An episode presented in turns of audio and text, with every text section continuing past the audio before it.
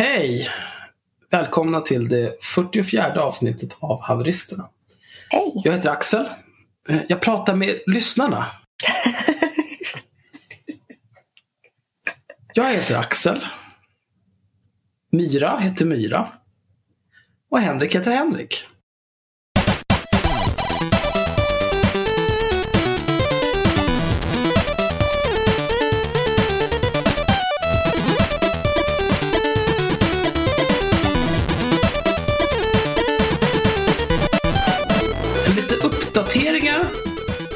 Vi har precis spelat in det sjunde Patreon-exklusiva materialet. Eh, om en ung politiker i ett parti. Som eh, har, eh, ja, Utsatts för klandervärda saker. Ja, och vi tänkte först att det är hon och hon som är klandervärd. Ja. Men ni kan aldrig ana vad som hände sen. Eller ja, om ni betalar minst en dollar per avsnitt så kommer ni kunna ta reda på det. Ja, och nu kan man ju även betala mer än en dollar. Man kan även betala 3 dollar eller 5 dollar och ändå få Discord-rollerna. Wow, vilken grej! eh, haveristerna finns nu också på Spotify. Om man gillar att lyssna på poddar på Spotify och om man nu lyssnar på den andra podden än Haveristerna. Jag förstår inte varför man skulle göra det såvida det inte är Historiepodden. Skrattar du? Förlorar du? Mm, ja. Eh, och vi har också firat två år som podcast den 13 april. Mm. Eh, och det är också anledningen till att vi för ett par dagar sedan, kanske, vem vet när det här släpps. Eh, idag är det den 21 april. Den 13 april så firade vi två år som podcast och med anledning av det så släppte vi det senaste släppta Patreon-exklusiva materialet. Eh, publikt även till er snålkukhelveten som inte betalar för er. Mm. Eh, anledningen till att ni kan ha missat det är för att det är inte eh, markerat som ett reguljärt avsnitt utan som bonus content vilket gör att vissa podcastspelare sorterar bort det om man har den inställningen. Men ni kan ju gå in på Spotify så kan ni lyssna på det där. Passa på att lyssna på alla. Ja, lyssna på allting. Sätt den på play bara, hela listan. Eh, det avsnittet heter Elaine Eksvärd är extremt klandervärd. För det är hon. Ja. Eh, I samband med det här tvåårsfirandet så är vi också 11 månader gamla på Pippa efter flytten från Soundcloud. Och där passerar vi, eller har redan passerat när du lyssnar på det här, 100 000 spelningar. Det är stort. Ja, tänk om vi hade fått en krona för varje spelning. Mm. Det hade varit något. Eller ännu bättre, en dollar för varje spelning. Oj, oj, oj. Mm. Men sån tur har vi inte. Eh, vad har vi mer? Nej, det, men det, är väl, det är häftigt. Eh, man får ju räkna med att vi hade ju en hel del lyssningar, några tusentals lyssningar på Soundcloud innan också. Ja, jag tror vi hade kanske... Jag kan kolla, jag har en eh, Excel-blad någonstans. Mm. Men jag vill jättegärna att alla går in och lyssnar. Alltså, ni behöver inte lyssna på avsnitten. Ni kan bara slå igång dem på Spotify och sen typ skruva ner volymen och låta den stå och spela över natten. Liksom. Bara så att vi får upp våra lyssningar på Spotify. Gå iväg bara. I'm walking away from the troubles in my life. I'm walking away. Jag kanske har kastat det där Excel-dokumentet. Det kanske är lika bra. Vem fan bryr sig? Ja, det gör ingenting. Men det var väl några tusen. Det var nog mer. Vi var ju... Ja. Ja. skitsamma. Det är bara Spotify som räknas nu ändå. Och där har vi i skrivande stund 124 spelningar. Ja, det är ju bedrövligt. Bedrövligt. Nu sitter Spotify och tjänar pengar på oss. Vet ni det? Ja, ja. Ja, Jag blir galen. Det kan inte vara mycket för de där små spelningarna eller? Nej, men eh, de tjänar pengar och vi gör det inte. Det är, det är skäl nog för mig att bli rasande. men det är inte därför vi är här. Vi är här för att göra det vi alltid gör. Vara rasande. Tjura om att folk är klandervärda. Eftersom vi är i anno klandervärt beteende. Mm. Och vi ska idag börja med att eh, vi börjar med någonting roligt. Ja, Ska vi börja med nazisten? Nå, inte så roligt. Jag tänkte mer en, en partikamrat till Henrik är köpt. Okej. Ja, just det. Ja, du är ju medlem i sossarna igen nu. Nu är allt ditt fel. Mm. Eh, Det här, eh, allt det här började, eller det, det, det har egentligen inte blivit någonting, men jag har kommenterat ett, eh, med ett utbyte, replikskifte på Twitter kan man säga. Det börjar med att eh, Joel Stade, som är politiskt sakkunnig i regeringskansliet, sosse, Mm. Eh, han citerar Oisin Cantwell som skriver om eh, hur bra det här är, den här nya fascismen från EU. Mycket glädjande att EU röstade för nya regler om upphovsrätt, tycker Oisin. Och Joel håller med. Han har i sin tur blivit citerad av Johan Ingerö. Eh, före detta gris på Timbro, numera policyansvarig för Kristdemokraterna. Eh, Johan Ingerö kommenterar aktivister lika med hela årskullar ungdomar. Skriv ner detta kids. S står för ett sönderreglerat internet. Det är väldigt, väldigt oklart vad fan han menar med det här. Han är också helt jävla dum i huvudet. Men då svarar Joel Stade, eller de, han svarar inte utan de sitter och retweetar varandra för att de är tre år gamla. Ja, det där, jag såg det. De sitter och citerar hela och så säger de. Det där är det nya sättet att jag vet inte, sätta sig över någon annan på Twitter. Det är ett jävla konstigt sätt att tilltala varandra. Alltså det, Twitter, är ju, ett, Twitter är ju verkligen det sämsta. Eh, ta fram det sämsta ur människor. Affektfabriken. Ja. Men det där handlar ju om att man vill säga emot någon. Man vill inte att det någon annan har sagt ska stå i oemotsagt. Nej. Men man vill inte ha en diskussion. Utan man vill bara göra sina egna följare uppmärksamma på att nu har den här dumma kuken sagt någonting korkat. Vet ni vad ni borde göra? Ni kanske skulle ge er in i den tråden och bete er som horungar. Mm. Och så sitter folk och bara riktar sina plebs på andra. Jag är så glad att jag inte har något, något som helst influens. Annars skulle jag göra exakt samma sak. Fan, jag skulle krossa folk alltså. Jag har ju en, en kommentar. Det, här, det kan vi ju möjligen eh, ta någon annan gång. Men jag lyssnade på um, ett, eh, faktiskt ett, ett, jag lyssnar väldigt sällan på poddar, som sagt. Men eh, jag lyssnade faktiskt på en podd för att de pratade om mig. Och då var jag tvungen att lyssna och se vad de sa för något. Oj. Nej, men de pratade om en tråd jag gjorde som handlade om eh, så här, att vi kanske borde se över hur vi låter folk skapa konton i sociala medier. I och med att de spelar en viss del i typ det offentliga sam- demokratiska samtalet och så vidare. Och så vidare. Eh, men då gjorde Mediespanarna, eh, podden Mediespanarna diskuterade typ att Twitter var söndertrasat av olika typer av Twitter-titaner som de kallar det. Det var ganska bra uttryckt att du har de här människorna med väldigt många följare som sen, det enda de liksom sysslar med är att rikta sina svansar hit och dit och tar inte ansvar för dem. Och det är ju okej om de slåss mot andra Twitter-titaner men de jämförde det med eh, jag kommer inte ihåg vilken av filmerna, det är, det är någon Superman-film, men de ser inte för det är DC-trash. Men där liksom två, super, men så här, två superhjältar slåss med varandra och liksom deras laserblickar bara kraschar hela samhället. Det är Man of Steel. Ja, precis. Det är när ja. eh, Kal-El och Sod slåss i slutet och river hela jävla världen. Ja, och det är så Twitter, de drog en parallell till att det är lite så Twitter är. Därför att du har de här Twitter-titanerna med sina väldigt aggressiva svansar som liksom går runt och, och bråkar med varann och så dras alla in i det där. Det var ganska intressant avsnitt faktiskt, ganska intressant diskussion. Jag skulle säga skillnaden där är alltså när Kal-El och Sod slåss i Man of Steel. Alltså folk dör ju som på, på löpande band. De river ju skyskrapor, pissar laser omkring sig och så vidare. Ja. Men, men, men liknande på Twitter, ingenting händer. Nej, precis. Folk som redan var arga och ville bli argare, de blir argare. Mm. Alltså, nej, men det har liksom ingen bäring på verkligheten. Nej, det har det ju inte. Jag brukar säga till folk som kliver in och eh, ska ta mina strider att snälla, jag kan prata för mig själv. Sitt ner i båten.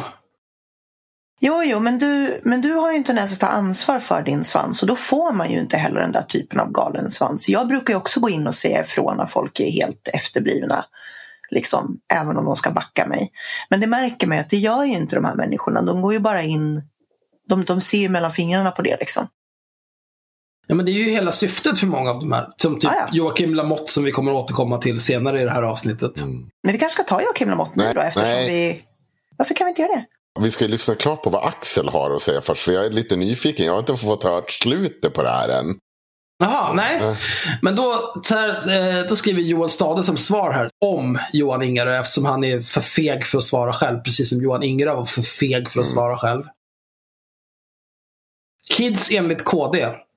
Ung person som prioriterar rätten för globala nätjättar att göra vinst genom att inte betala kulturskapare.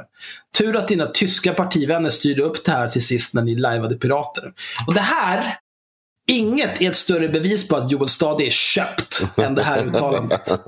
Det är fan det vidrigaste jag sett. Bara, åh, globala nätjättar att göra vinst på att inte betala kulturskapare. De man syftar på då, det är Google, Facebook, alla företag som Facebook äger och så vidare. och så vidare. Det är lobbyisterna som säger exakt Jo, men kulturskapare. Vilka jävla kulturskapare? Små indieföretag som Disney eller Universal Pictures. Det är liksom Eller inte... Schibsted. Ja, det är så jävla vidrigt. Han är så jävla dum i huvudet. Det, är liksom, det- är inte som... Jag svarade honom, så skrev jag. Dina kulturskapare är också globala jättar. Du kan ju inte på riktigt vara så jävla okunnig att du tror att någon folkvise trubadur i Molkom att kunna, kommer att kunna försörja sig på stimpengar tack vare den här idiotin. Degen går till film och musikindustrin, precis som vanligt. Ja. Precis som Metallica knullade Napster, precis som de försökte knulla Pirate Bay som var uppe med 30 nya sajter dagen efter. Det kommer inte gå. Det kommer inte bli någonting. Men de kommer fortsätta på det här viset. Precis som att när jag köpte en ny hårddisk så betalar jag procent till fucking film och musikindustrin. För att de ska ha pengar överallt. De är så jävla giriga. Och den här fittan Joel Stade går deras ärenden som den köpta hora han är. Eftersom det här är en partikamrat så tar jag fullständigt avstånd från dina hårda ord. Ja. Tycker det här är sinnessjukt uttryckt av dig. Han borde ägna sig åt att minska klyftorna i samhället. Inte att gå storbolagens ärenden på det här jävla viset. Han är så jävla vidrig. Och det är det här som är fel med sossarna idag. Sida vid sida. Tillsammans hjälps de åt. Staten och kapitalet, de sitter i samma båt. Skäms du inte Henrik? Skäms Nej. du inte? Varför gör du inte det? Du borde skämmas. Eh, ja, Vad tycker reformisterna om det här? Jag vet inte faktiskt, men, men jag funderar kring det. Eh, Jag är ju emot det, men jag funderar på vad lösningen ska vara. För jag kan inte, jag, det finns ju ingenting värre än när jag ser moderater springa runt och slicka röv på småbarn som inte gillar artikel 13 och 11. För att, dels Nej. för att de sitter i... Alltså det finns Det är ju samma typ av hyckleri. Ja. det är en positionering som egentligen är bara för att ragga röster. De kommer rövknulla samma ungar med inga skatter och de kommer få låta storbolagen göra exakt som de vill. Så det är liksom så här, det, Ja. det är så förblind. Jag kan ju, vår, vår, vår vän Frans Borssén kan ju bli tokig på när han sitter och gör det här. För att jag menar, du, du är ju med och bara liksom, i, i övrigt är du ju med och ger storbolagen alla friheter de vill. Men här någonstans ska du liksom agera den stora superhjälten för att du inte får ladda upp memes. Det här är ju storbolag mot storbolag. Alltså, Ja. Å ena sidan så har du nätjättarna Facebook, Google och så vidare. Å andra sidan har du typ de jättestora mediehusen. Jag tror att det var Marcus Järring på IDG som skrev väldigt bra om det där. Eh, där han skriver att liksom mindre tidningar Mm. som till exempel IDG får väldigt mycket av sin trafik på grund av att, de här, att Google till exempel visar dem i, i resultat. Och det enda som kommer att hända är precis som i Spanien att Google kommer säga hopp, äh, men då blockar vi ju, då slutar vi liksom med länkgrejer. Och det kommer att slå tillbaka mot de små medieskaparna. Eh, Lars Wilderäng skrev också ett inlägg om det där att han får typ väldigt mycket av sina intäkter. Han är också liksom en, en fristående kulturskapare. Nej, jag, jag tror på det där, jag håller med dig. Jag tror på det där också. Ja. Att det, det, det kommer inte vara gagna något annat än något, annat storbolag. Och jag tycker då att ta den här ensidiga ställningen och bara... Ja, men loss, att Låtsas- låtsas att det här är en ja. konflikt mellan folket och när det egentligen handlar om liksom sta- köpstarka lobbygrupper. Ja. Problemet är att lobbygruppen som är för sådana här begränsningar av internet är så mycket mer organiserad. Jag satt ju och pratade, jag var ju med i så Piratpartiet och pratade porrfilter typ. Oj. Och då pratade de också om det där. Amelia Andersdotter bland annat pratade om det där och liksom sa det att det finns en enormt stark lobbyism eh, från de här eh, liksom, som är en alltså, pirat, antipiratlobbyn är väldigt mycket starkare än motsvarigheten. Men det är klart. Jag, har, eh, jag skulle vilja läsa lite här eftersom jag inte bara är köpt av storföretag och, och eh, deras nickedocka i media till skillnad från Johan Ingerö och Joel Stade. Mm. Eh, Så jag har ju googlat febrilt. Oj. Hittade jag några som har varit lite vänliga och ta ut eh, lite... Man, man kan ju få ut väldigt mycket information från EU. Mm. Det här är en lång, lång, lång artikel som jag kommer att länka. Men här. Since November 2014, there were 765 declared encounters between lobbyists and the Commission with copyright as a subject. Over 93% of these were with corporate interests, but the list of main actors might be quite surprising. The lobbyists with the highest access were in fact not big tech, but the collecting societies, creative industries, including big film and music studios and press publishers. Nähä. Nu ska vi se här. The most frequently listed names are IFPI, representing recording industry worldwide, 37 meetings, whose members include Sony Music and Warner Music, followed by the Federation of European Publishers, 27 meetings, which represent national associations of book publishers, och så vidare, och så vidare. Och låtsas att det här har någonting med något jävla techjättar mot eh, kulturskapare att göra. Det, då är man antingen okunnig eller köpt. Och jag vet inte vad som är värst. Nej, båda är ju jävligt klandervärda om man är politiker skulle jag säga. Nej, för fan vad vidrigt alltså. Fy fan vad vidrigt. Ja, men det är ju bara lobbyverksamhet. Alltså det som är så obehagligt är ju att det finns ju enormt mycket av den här lobbyverksamheten i EU och det är väldigt lite transparens också. Alltså nu finns det ju transparens men okej, vi säger så här istället. Transparensen finns men, men uppmärksamheten finns kanske inte. Nej. Eh, och europeiska företag, ett av problemen här också är liksom att europeiska företag är ganska dåliga på att, ut, alltså att lobbya. Eh, till skillnad från amerikaner som har, är väldigt bra på att köra lobbyverksamhet för att det är väldigt mycket mer um, widespread i USA. Det är lättare att köpa politiker i Amerikat. Ja, men de är, också, de är också mer vana vid lobbyverksamhet. Eh, europeiska företag sysslar inte med det i samma utsträckning Ja. som jag har fattat det. Reservation för liksom att jag inte är EU-parlamentariker men Det finns också en annan länk här eh, som handlar om Det finns ett företag som heter Audible Magic som i princip är ett filter. mm, Eh, och det, de, har ju, de har ju bedrivit intensiv lobbyverksamhet för att driva igenom det här. För att det är i princip bara det filtret man, som går att använda. Det är lite grann som att Pornhub har utvecklat ett porrfilter som de ska kunna sälja. Ja, det är klart. Mm. Det är ju multiple revenue streams. Gotta get that cash alltså. Mm. Men jag är, jag är Om jag måste välja mellan... I och för sig, nu kommer ju Avengers Endgame snart. Och då är jag ju... Då tycker jag ju väldigt mycket om Disney. Men samtidigt så Disney klarar ju inte av att hantera Star Wars på ett vettigt vis. Så de kan ju dra åt helvete. De är ju nazister. Ja, eh, Walt Disney var ju faktiskt antisemit av rang. Ja. Så de är ju nazister. De är nazister. Jag vill också påpeka här att Joel Staden, jag, jag skrev det här och sen så länkade jag de här två länkarna som jag har här som visar precis hur det har sett ut i lobbyverksamheten kring det här. Eh, och han väljer att inte svara. Han har inte retweetat och skrivit någonting om eh, korkad apa tycker si och så, bla bla bla, eller något sånt heller. Utan han väljer bara att ignorera det för att han är ett jävla svin. Mm. Du köpt Ja. Joel. Du köpt. Socialdemokrat och gråsosse. Vad är gråsossigt med att, att gå i kapitalets ledband? Jävla äckel! Ja, Han kommer, jag, jag, jag lovar, han, kom- efter den här mandatperioden kommer han sluta och börja jobba på Timbro. han kommer börja jobba åt ett eh, stort mediehus.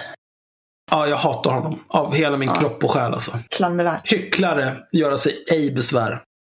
Det var mitt första ämne, eller mitt första small talk, eller hur ni vill säga det. Nu kan vi ta nästa.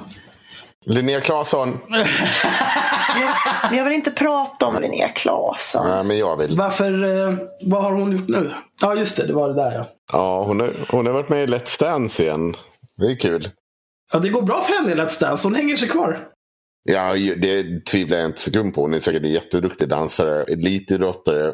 Brukar sällan vara dåliga på sporter de ger sig in på. Ja, men det handlar väl... eh, Alltså, jag har ju inte tittat jättemycket på Let's Dance kan jag erkänna. Varken den här säsongen eller tidigare. Men handlar det inte mycket om mer så här, personlighet och karisma och kemi mellan de som dansar. Mer än eh, teknisk, Säkert. Teknisk dans. Liksom, hur, hur tekniskt duktig man är. Alltså det är ju folklig underhållning och det är ju folket som röstar. Linnea Claesson sitter ju på enormt många följare som hon varje vecka uppmanar att rösta på henne. Så det är ju inte så konstigt. Ja, det är ju lustigt nog hur hon uppmanar sina följare att rösta som vi ska prata om. Tokigt. Ja, den här gången är det ju för att hon, jag citerar nu. Ikväll var det riktigt tufft att gå in på dansgolvet. Vill göra Hedif stolt. Och stort tack till alla som röstade på oss ikväll. Till alla fina meddelanden om Hedi. Precis som hon måste varje generation fortsätta kämpa för att försvara mänskliga rättigheter. Åh, gud. Jag tror inte att Hedi säger att det ska ske i Let's Dance. Eller att det är den grejen. Men det hon gör det är alltså hon postar på en bild på sig själv och Hedi Frid från eh, den här uh, grejen. Hon tog taxi till Kungsholmen och gick ut och gick fram till staketet tillsammans med Hedi Precis som hon gjorde i Ludvika. Eh, kom dit, gick fram till staketet och åkte hem. Eh, och så tycker hon då att De har inte blurrat Alice Bah Kuhnke i bakgrunden den här gången. Nej, det har hon inte gjort den här gången. Nej. Hon har helt skurit bort Alice Bakunke. Perfekt. Det här kortet. Ja, så, att inte det, så att inte hon syns. Så man slipper den där tråkiga kritiken. Ja. Har vi ens pratat om att hon faktiskt blurrade Alice Bakunke för att framhäva sig själv och Hedi? Det är ju jätteroligt. Men det absolut roligaste med det här, förutom då att hon alltså ber om röster, så att de fick ju tillägna, så nu har jag, jag har inte sett Ja. det här, men de fick ju tillägna dansen till någon och då hade hon Ja. ju såklart valt att tillägna det här till Hedi Frid. Och så skriver hon så här till min vän, kollega och idol. Det är oklart hur hon och Hedi Frid är kollegor till att börja med, Mm. men kollega Hedi Frid. Och sen så så är det ju någon som skriver i, det här är jättekul, och hennes sektföljare som skriver i kommentarsfältet bara ja, du är en av de få som, eller du är en av de som bär facklan vidare efter henne liksom. Åh, herregud. Ja, alltså det, är, roligt. det är så jävla äckligt att liksom bara gör det här. Dyk upp på två demos. Var inte med och gör något. Alltså så här. Och så bara använda det för att du ska mjölka röster i Let's Dance. För, för det är ju Folk är ju för fan efterblivna om de inte fattar att det är det det handlar om. Varenda jävel i det där programmet tillägnar det till familjemedlem eller något sånt där. Ja. Linnea Claesson, hon tar Hedi Frid. Det är lite grann som det sen, senaste jag såg, eh, någon hade varit Let's Dance, var så här. Ikväll ska jag dansa en kraftfull samba för att stoppa rasismen och sexismen i samhället. jo, men det är ju så här, Ja, absolut. Alltså det är jätteroligt. Det bästa med det här är att alltså, om du inte röstar på Linnea Claesson, då är du Ja, förintelseförespråkare. då är du ju nazist. ja, det är så jävla vidrigt. Det, ja, men det, det är så dumt. För att så här, ja, men, i, I ett sånt här, om du har det, alltså förr eller senare kommer ju liksom programmet säga så här, men du borde kanske, vi kanske ska ta upp någonting om din aktivism. Ja, absolut. Men det är varje gång så är det ju liksom, nu ska jag dansa en samba för att stoppa rasismen. Nu ska jag, nu ska jag tillägna det här till det och för att det är, och liksom det är så jävla äckligt. Det här är inte, det, här, det är ingen, det är ingen diskussion om, om Jante. Det här är ju vidrigt agerande. Det här kan vi inte bara Alltså det, sitta... här är ju, det här är ju ett sätt att liksom kommodifiera och profitera på, på kvinnokampen och den antirasistiska kampen. Det var ju... För, förklara ordet kom, kom, kommodifiera. För det, jag var tvungen att googla det. Ja, men typ att försöka alltså att, ja, men typ att, att man försöker göra det till en business. Du försöker göra business av det. Ja. Eh, liksom, det, är inte, det, handlar, det är lite grann som när H&M säljer tröjor som det står feminist på som är sydda av eh, liksom, kvinnliga underbetalda fabriksarbetare. Mm. Det är också en typ av kommodifiering av kvinnokampen. En dag ska vi prata om Beyoncé. ja, varför hon är klandervärd. Hon är inte klandervärd. Eller typ Spice Girls som, som liksom trycker eller så här, gör t-shirts med girl power som visar sig Girl power. vara gjorda av så här, misshandlade stackars kvinnoarbetare. Ja, det är klart. Men, men de är inte lika mycket värda. Nej. Det handlar ju, de har ingen köpkraft. Nej, Nej men, eh, och det är ju eh, det är liksom kapitalismens fulaste eh, fulaste sidor där. Men det, jag tycker att, det, att det, börjar, det blir så extremt komiskt. Jag, menar, jag kan inte ens vara irriterad på Linnea Claesson längre för hon är en sån parodi på sig själv. Liksom. Det blir bara roligt eh, när hon eh, håller på. Och, och liksom så här, varje, med Let's Dance så gick hon ju ut och bara så här, åh det här är så, jag tycker det är så himla jobbigt att synas. Jag tycker det är så jobbigt, jag är så himla nervös för att synas för så här många. Vilken jävla lögn. Samtidigt som hon lägger upp liksom en selfie där hon har så här jacka utan bh eller tröja under. Typ, och Ja. regnbågsfärgat hår. Jag skrev en ganska rolig tweet om det här för det här var ju ganska tidigt i Linnea Claessons karriär. Någon tweet om det där liksom. Linnea Claesson lägger upp en bild, så här, lägger upp en bild på Instagram där hon står på ICA iförd propellerkeps och en text bara “Jag förstår inte varför alla ska titta på mig hela tiden”. Och- Det är lite så. ja. Jo men alltså Linnea, Linnea Claesson är ju ett jävla spektakel. Ja, hon är en clown liksom. Jag tror att hon är helt okej med att folk kollar på henne. Jag tror inte hon har några som helst problem med det. Nej, nej, hon vill ju att folk ska göra det. Men hon appellerar ju till folk som kanske inte har hennes eh, eh, självförtroende eller, jag vet inte, om, om jag skulle ställa en hobbydiagnos, narcissistiska personlighetsstörning. Så, så då måste man liksom anpassa budskapet efter dem. Ja. Och det är klart att de har lättare att identifiera sig med någon som är så här, ja, eh, extremt framgångsrik. Eh, gör en massa saker, syns i massa olika sammanhang. Eh, ter sig som skitduktig på alla sätt och vis. Vilket hon säkert är. Mm. Men, men hon är ju också klandervärd. Mm. Jo, men det är ju ett sätt att göra sig relatable. Liksom. Ja, visst. Så, Åh, jag är precis som alla andra. Jag är ju också osäker. Bara, ja, ja, det är du säkert. Men alltså, kom igen. Du har inga problem med att bli sedd. Det är ju ingen som, alltså det är ingen som gillar någon som typ Tom Cruise. Som är... Det Nej. är ingen Nej. som gillar ha- humble brags. Det är väl det värsta humble brags någonsin. Jo, men alltså Eller humble brag, eller inte humble brag, förlåt. det ter sig inte som Humblebrags för, för hennes... Ja. I alla fall, jag, jag, jag måste säga det att jag faktiskt när jag såg det där, eh, Myra, så tänkte jag exakt samma som dig. Nu, Det här blir ju bara liksom som en parodi på sig själv. Hur fan kan man ställa sig och göra? Alltså det här är så jävla dumt. Men jag blir ju mer irriterad på reaktionerna när någon påtalar det. Att det fortfarande finns folk som bara, nej men vadå, det är väl bra om Heidi syns. Man bara, men tror du på riktigt att det här är, handlar om att hon vill att Heidi ska synas? Eller att, tror du, tror du är, är du så dum så att du fortfarande tror det? Och att det inte handlar om att vinna Let's Dance? Det är ju, mm. ju sjuk i huvudet om du inte tror. Det är liksom så, det, man blir så förbannad. Ja, men Alice Bate kommer och grejer. Förstår inte din vendetta. Men du din jävla... Du är riksdagsledamot mot, för vänstern och profilerar dig feminist. Tycker du att det är normalt att vår stå, den starka lysande stjärnan, det ska vara någon som är med i Let's Dance? Är du helt jävla tappad och sönderknullad i örat? Och säljer ut liksom en förintelseöverlevare för att få röster i Let's Dance. Det är så smaklöst man baxnar. Ja, men säljer du... Ja, vet du vad? Så här, jag, jag kan säga så jag tror så- Heidi är säkert med och hon tycker det är säkert jättetrevligt och mysigt. Men det är väl inte så här. Det är väl inte tanken att det här är sättet vi ska bedriva antinazistisk kamp mot organiserad fucking jävla revolutionär nazism. Att du springer fram med glitter i håret till en jävla eh, avspärrning med 42 vakter runt omkring det. Det är folk som lever i det här i vardagen. Som ar- arrangerar de här skiten som du kan gå fram och knäppa kort. De som blir hotade på riktigt för att de försöker aktivt stoppa nazister. Och så ska vi sitta här och tycka att det är lite obekvämt att jag säger att jaha, har, har vi, är det liksom, ska vi använda det, är det Let's Dance som är vår nya bas för kamp nu? Nej, men sitt ner i båten.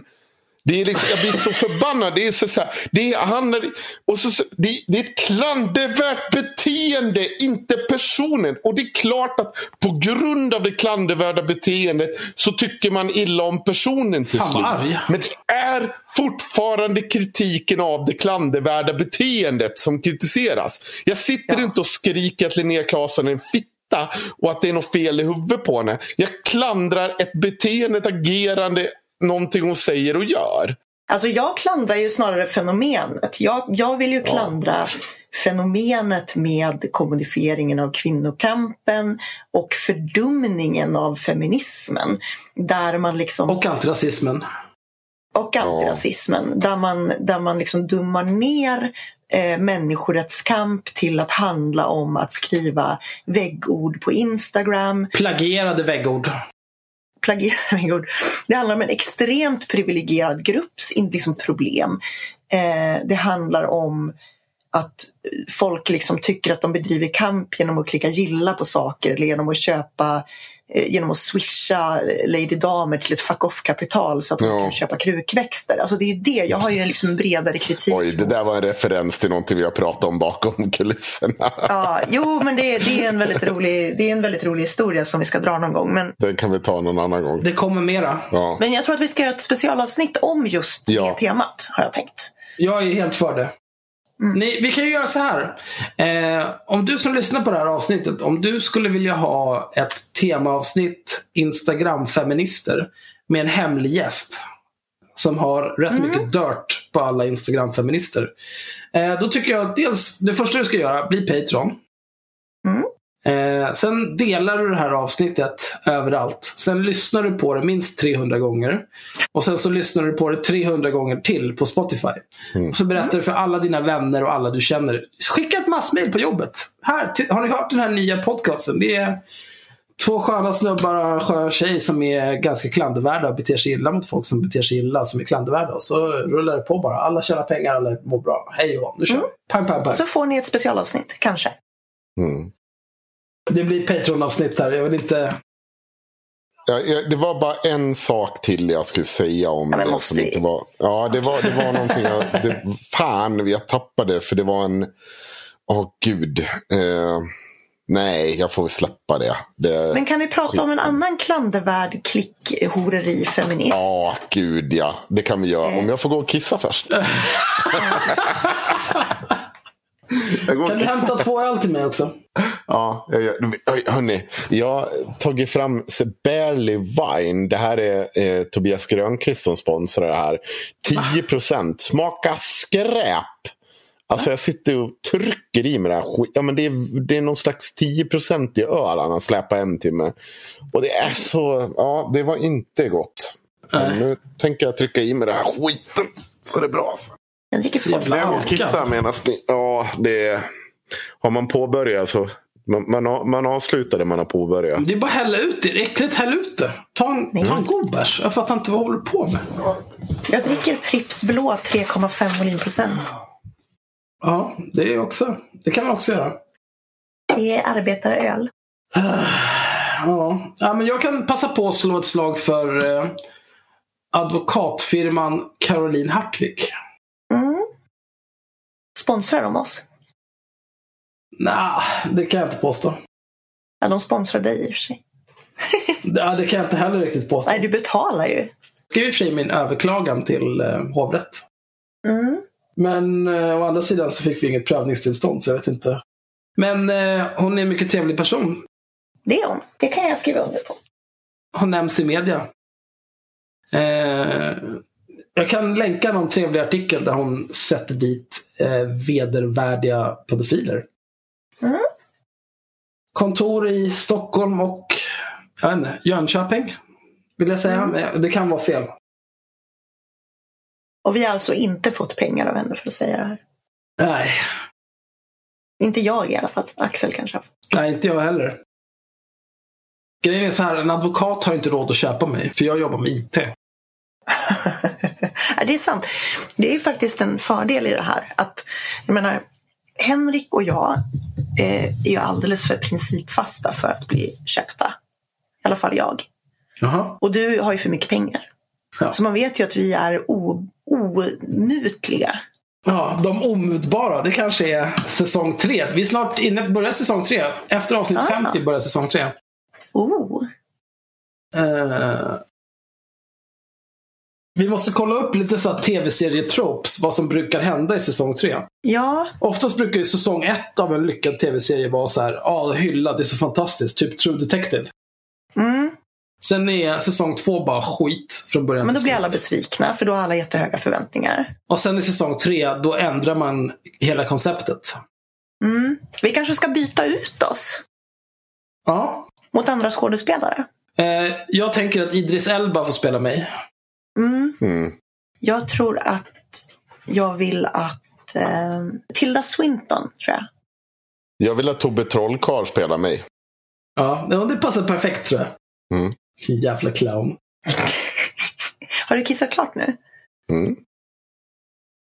Nu ska vi prata om en annan framstående feminism som har gjort mer för feminismen på Ja. två år än Feministiskt initiativ har gjort på tio. Ständigt den här jävla feminismen. Alltså, så jävla trött Ja. på skiten. Men alltså han har ju lite frångått feminismen, det funkade ju inte riktigt. Får jag läsa? Mm. Eh, det här är ju då feministernas feminist som för en vecka sedan, den 15 april, eh, la ut följande på Facebook. Jag, varje gång jag ser den här bilden på honom, där han är liksom dels sitt, hans jävla conehead, Mm. att han har liksom kisar lite grann. Och sen har han något så här halvsmörk som, som inte är ett leende utan det är bara att hans ansikte är snett. Det är något extremt provocerande med det där. Han ser så jävla aggressiv ut också. Den där blicken säger mig, jag är rätt mycket bättre än vad du är. Så att du kanske bara skulle ta och sätta dig ner. Ja. Och det provocerar mig ja, någon typ av storhetsvansinne har han ju faktiskt. Ja. Men han skrev i alla fall så här. 15 april 11.14 publicerade Joakim Gangsterkuken Lamotte detta på Facebook. Förra veckan blev jag kontaktad av en mamma till en 14-årig tjej som dagligen blir sextrakasserad av en äldre kille på nätet. Mamman visade mig skärmdumpar där mannen genom hot försöker få den 14-åriga tjejen att skicka filmer och bilder där hon tar av sig kläderna och onanerar. Han försöker även stämma träff med henne så att de ska ha sex och om hon vägrar hotar han att sprida ut på hennes skola att hon är en hora som har sex med killen för pengar. Ja, det är ofta vad horor gör. inte. Så fort den 14-åriga tjejen berättade för sin mamma gjorde de en polisanmälan men förra veckan fick de reda på att utredningen blivit avslutad. Anledningen är att killen blånekar och säger att det måste ha varit någon annan som skickat meddelandena från hans dator. Det här knyter ju an till eh, vad vi pratade i det Patreon-exklusiva materialet som vi spelade in innan det här avsnittet. Att eh, polisen eh, har lite svårt att utreda det här med brott på internet och att det i princip räcker med att säga så är det lugnt. Eh, det gör mig vansinnig. För svårare än så är det inte att komma undan brott på nätet idag. Jag har själv sett det när jag fått hot via Facebook. Det räcker att den misstänkte säger att någon annan måste ha skickat meddelandena från hans telefon eller dator så läggs fallen ner. Eftersom det måste vara ställt utom allt rimligt tvivel att den misstänkte begått brottet. Fast inte i förundersökningen. Eh, men okej, absolut.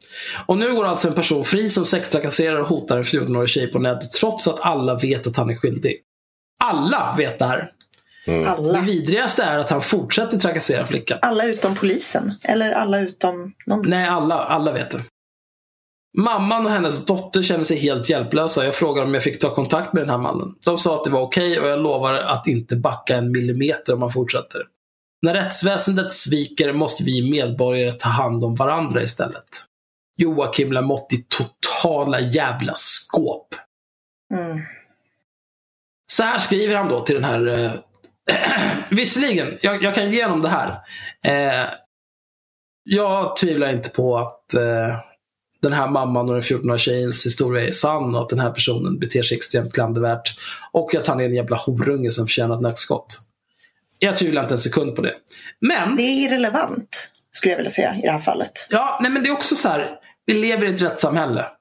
Slow your roll. Ta det lugnt. Men Joakim Lamotte, Joakim Superkuken Lamotte, han, han, har ingen, han har inga bromsar. Hej! Du känner inte mig, men jag har fått reda på vem du är och att du hotar och sextrakasserar en 14-årig tjej på nätet. Jag ska vara tydlig mot dig. Du vet kanske att jag har nästan 200 000 följare på Facebook och når ut till mer än en miljon svenskar varje vecka. Humble Mhm. Om du någonsin kontaktar den här tjejen eller ger dig på någon annan igen kommer jag, att låta, och kommer jag att åka hem till dig med en videokamera och visa upp ditt ansikte för hela svenska folket. Jag kommer även att lägga ut ditt personnummer och din adress. Så att folk vet var du bor om de vill bjuda dig på fika. Du väljer nu själv hur du vill att det här ska sluta. Mvh Joakim Lamotte. Det var ju inte så, alltså att avsluta det där vid Mvh tycker jag känns konstigt. Ja, men det är bara tramsigt. Ja. Jag, är, jag, är, i och för sig, jag är positiv till allting fram till, jag kommer även att lägga ut ditt personnummer och din adress så att folk vet var du bor om de vill bjuda dig på fika. Och inte för att han hotar med att doxa den här personen. Utan för att Joakim Lamotte är en sån liten jävla snipkuk. Så här, jag kommer eh, hänga ut dig och doxa dig som eh, någon som trakasserar småtjejer så att de kan bjuda dig på fika. Stå för vad du gör egentligen. Du hotar med att doxa någon offentligt så att folk kan åka hem och spö sönder den personen i tron att det är en pedofil. Var inte den här typen av feg jävla subba. Stå för vad du gör Joakim. Ja, och han hotar ju, det är roligt också att han inte hotar inte med att liksom spöa honom själv utan han liksom indirekt hotar med att han har galna följare som skulle åka och spöa honom. Ja, nej men Joakim Lamotte, det vet vi ju sedan tidigare. Han hotar ju bara med att spöa högstadiebarn när han går förbi dem och de kallar honom för kuk. Just Du det. är jävlar. fan riktigt jävla bred kuk Joakim Lamotte, din jävla fitta. Vilken Ja, tönt. Vilken jävla tönt. Ja, det är inte första gången han har väldigt stor kuk på internet. Åh gud, han är en sån jävla fjant. Eh, ja, nej, men det här är ju extremt klandervärt såklart. Eh, och inte för att han har eh, inte för att han har skrivit och, och liksom varit taskig mot en förmodad pedofil eller hebefil eller vad du vill kalla det. Någon, någon som beter sig illa på internet. Mm.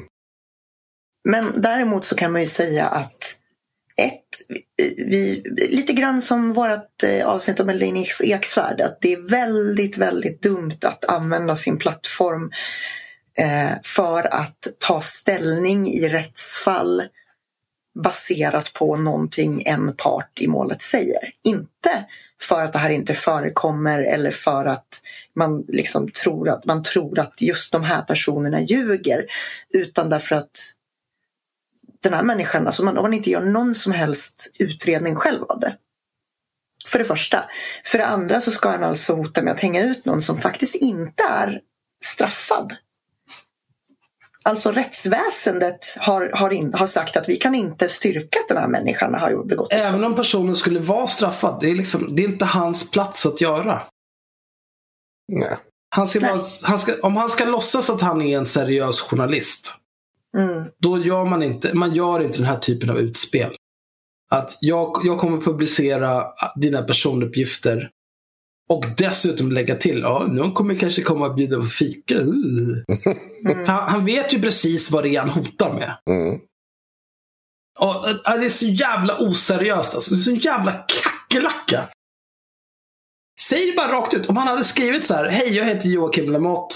Eh, jag har ganska bred pung. Om du inte slutar sextrakassera den här 14 så kommer jag komma hem till dig och slå sönder dig. Det hade jag kunnat respektera. Men det här. Du gör det inte ens själv Joakim, din jävla amöba. Ja, och sen så är det så här, ja men alltså visst, jag, jag hade ju diskussioner om det här för jag skrev ju om det här i eh, en text i arbetet. Self-promotion, eh, det här med drevborgargarden Drevborgargarden ja. och så vidare. Mm. Och det finns ju ett reellt problem i den här eh, växande kulturen av att tycka att eh, olika typer av influencers med många följare ska helt få, ska få kringgå rättssystemet för att de inte håller med det. På samma sätt som Elin Eksvärd, Cissi Wallin och så vidare har hållit på med och sagt att rättssystemet gör inte som jag vill och därför så har jag rätt att eh, på olika sätt använda min plattform för att straffa individer. Eh, det tycker jag är klandervärt. Strukturerna kan man alltså, kan attackera. Alltså, det, det finns ju många exempel på det där. Mm. Till exempel eh, Cissi Wallin har ju trappat upp sin retorik eh, Mm. gentemot Fredrik Virtanen. I takt med att den här förtalsrättegången närmar sig. Mm. Nu har det blivit värre och värre. Jag tror att det är double or nothing. Liksom. Det är så här, hon vet att hon är redan åtalad. Så Ja, men det är också framförallt, hon vet att hon har ingenting att förlora. nej. Det, för hon har ju sitt fuck off-kapital. Eh, det är ju klart. Så det spelar ingen roll. Ja, får dega lite böter, whatever. Mm. Ja, det kommer hon ju få swishat till sig. Ja, och sen och, även om hon inte gör det, alltså hon har ju mer pengar än om hon hade jobbat med IT, så det spelar ingen roll. Ja, hennes man jobbar ju med IT, gudskelov. Ja. Och sen när man tittar på liksom överlag hur de här människorna håller på. Som när jag skrev eh, eh, den här tråkiga posten i Rosa apor om Linnea Claesson, att hon är en klandervärd person. Mm. Då hade hon ju blivit uthängd av nazister och bla bla bla. Och nämner mig vid namn. Liksom. Jag fattar inte.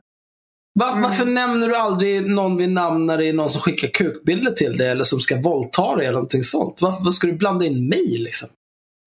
Jag, jag har inget problem med att hon gör det, men jag tycker att det är konstigt att, att det viktiga för henne det är att, att jag ska behöva ta itu med hennes efterblivna följare. Snarare än de som faktiskt eh, sextrakasserar henne två timmar, eh, två, 30 gånger på två timmar eller skickar kuken eller whatever. Jag håller inte på sånt där, utan jag, jag berättar bara varför hon är en klandervärd person. Kanske inte på det vänligaste sättet som går att göra. Men eh, du hade rätt, men du sa det inte på ett trevligt sätt. ja. Att, alltså de här människorna. Jag fattar inte. eh, Är det inte, ser inte vanliga människor det här?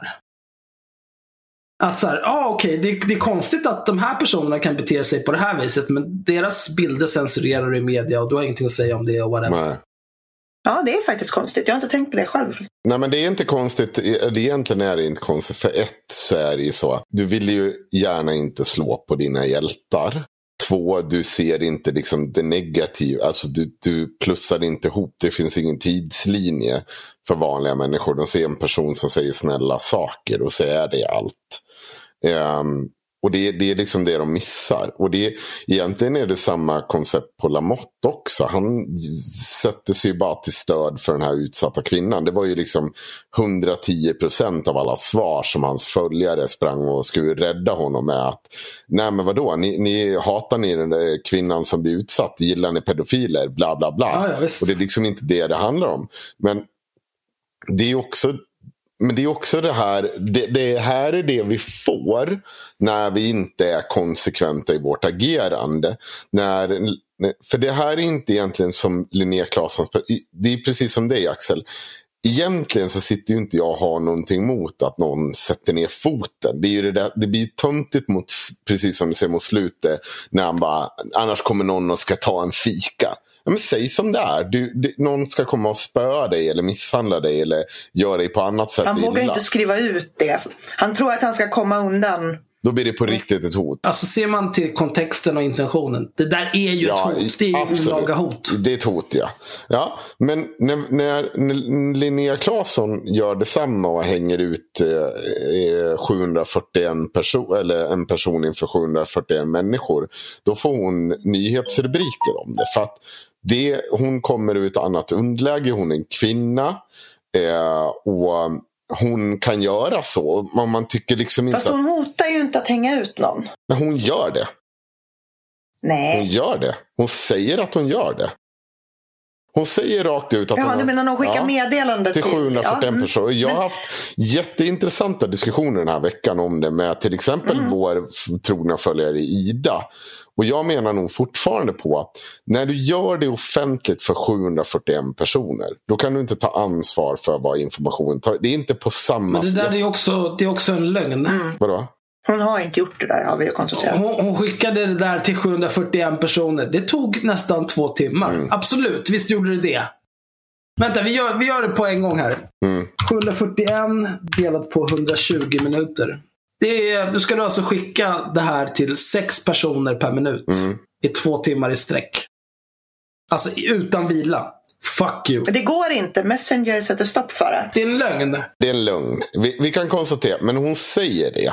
Och media tar det för sanning och man hyllar hennes agerande. Man skriver en riktigt, det är inte så att man, man förhåller sig inte hennes, man säger hennes briljanta svar. Gud, det är så vidrigt. Mm. Det är liksom så här, man agerar som om det liksom så här, ja, men så här kan du, det- så här ska du göra.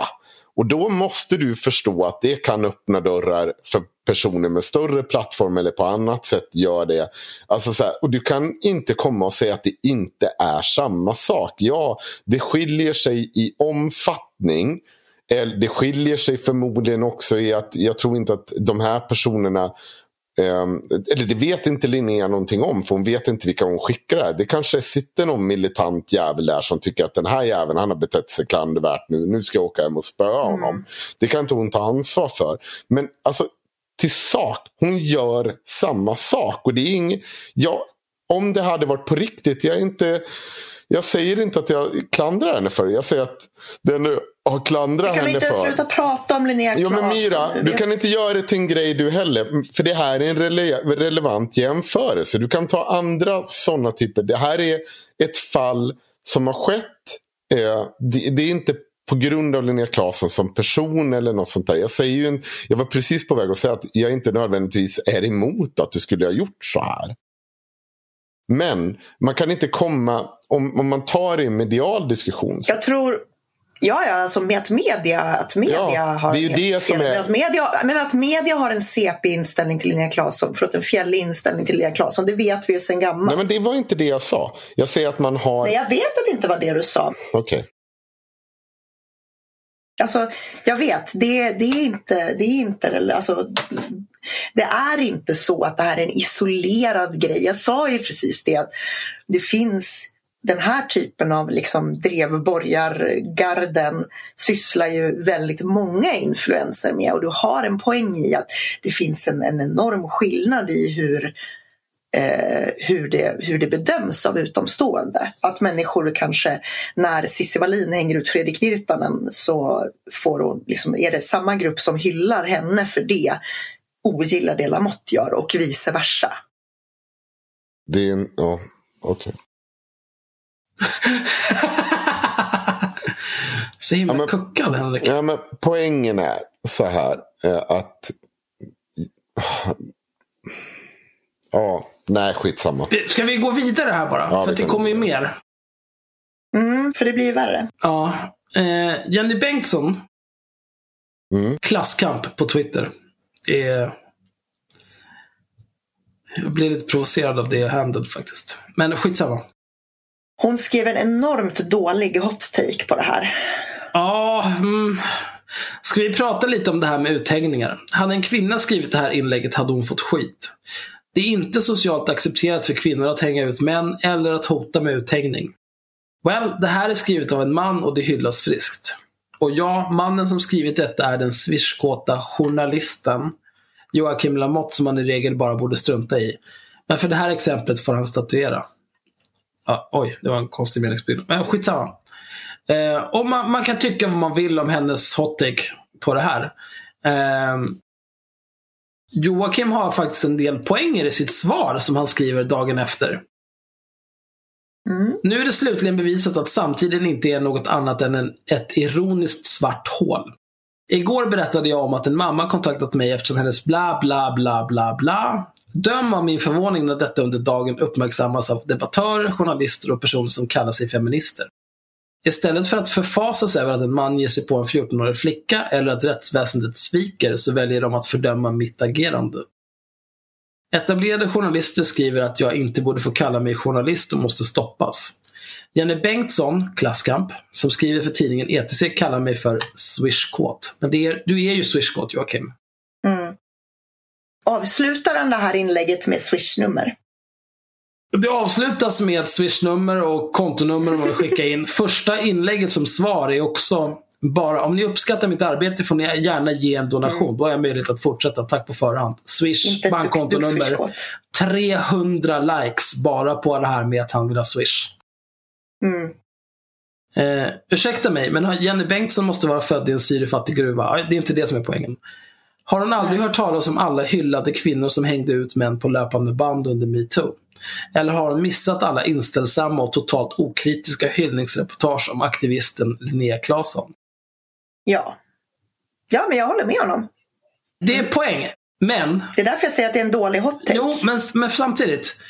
Ingen under metoo, mig veterligen, eller Linnea Claesson har någonsin skrivit direkt till en person och sagt Om du inte slutar med det här beteendet så kommer jag att publicera dina personuppgifter till mina 200 000 följare. Och sen kanske någon av dem kommer hem till dig och slår sönder dig. Nej, Det är ingen som har skrivit det. det kan ju vara underförstått. Jo, ja. Men det är skillnad på att någonting är underförstått. Absolut, jag är ett stort fan av kontext och intention. Men han skriver det ju rakt ut. Ja, ja. Du, du har helt rätt när du säger att det är inte riktigt samma sak. Däremot tycker jag hennes eh, take är... Ja, det är ju en, det är en, ingen Hon vidare bjöd hot take. in till det där, skulle jag säga. Men man kan också titta på kommentarerna som har skrivits i den här tråden. Eh, Ja, Marcus Jerräng, chefredaktör på IDG va? Mm. En riktig journalist.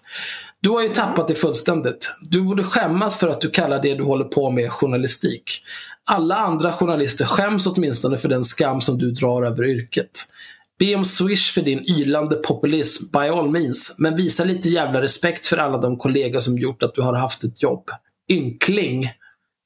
13, Oj. 13 likes. Det ska också, jag tillägga? Men, nej, nej, nej. Nej. Nej. Kolbjörn Guvallius, som jag kommer återkomma med en bokrecension av hans bok Ordningsvakter. Mm. Han svarar, vill instämma med Marcus. Det var länge sedan det Joakim Lamotte gjorde kunde kallas journalistik. Journalister hotar inte någon de granskar med en uthängning som backas upp av vreden från 200 000 arga följare på sociala medier. Men ger dem en chans till och därmed undgå publiceringen. Journalister som jobbar enligt boken gör sin research utan hot och publicerar om och när materialet håller hela vägen. Utan att ge några extra chanser som friköper den granskade från ansvar. Mm. Men man gör det också utan att namnge personer om det saknar relevans för att på ett korrekt sätt återge ett skeende. Joakim Lamotte vill uppnå någonting, någonting annat än det journalistiken vill uppnå och hans metoder för att nå målet är inte journalistiska. Han kan naturligtvis fortsätta sin verksamhet och kalla den vad han vill, men ingen som vet någonting om journalistik skulle använda det ordet om hans verksamhet. Sju, sju reactions. Sex likes, en arg smiley. Du, du vill bara ta en här som har fått eh, en annan respons. Mm. En Emily skriver att hänga ut män som sexuellt trakasserar barn är tydligen bara okej om rätt människor med rätt värdegrund gör det. De här fantastiskt goda feministerna skulle säkert hellre drunkna än bli räddade av en person med fel värdegrund. Jenny Bengtsson borde skämmas. 1400 likes. Nästa från Marita. Som, kvin som kvinna skäms jag ofta över dessa feminist feministkärringar som har noll koll och ska in i det sista försöka vrida på sanningen. 1100 likes och så vidare. Och det bara fortsätter här. Alltså det här är verkligen de svagsyntas paradis. Ja. Om man vill göra en lista över folk som inte borde få rösta. Börja med att dra ut listor på alla som kommenterar och får många likes på Joakim Lamottes eh, inlägg. Alltså fy fan vilket jävla slödd. Mm. Ja, det är ett mörker verkligen. Sen har ju Jenny, Jenny Bengtsson har ju då fått en hel del skit för det här eftersom Joakim Lamotte då har lagt ut det här. Och Joakim Lamotte har ju då riktat svansen. Han har inte... Jag skrev ju som sagt en text om honom som blev väldigt spridd. Den blev även spridd av Nej men alltså den blev spridd, även spridd av Arvid Haag. Åh, eh, utkickad från Medborgerlig Samling, sedermera eh, backande av AFS. Det vill säga nazist. Jävla trashcan Eh. fittnylle.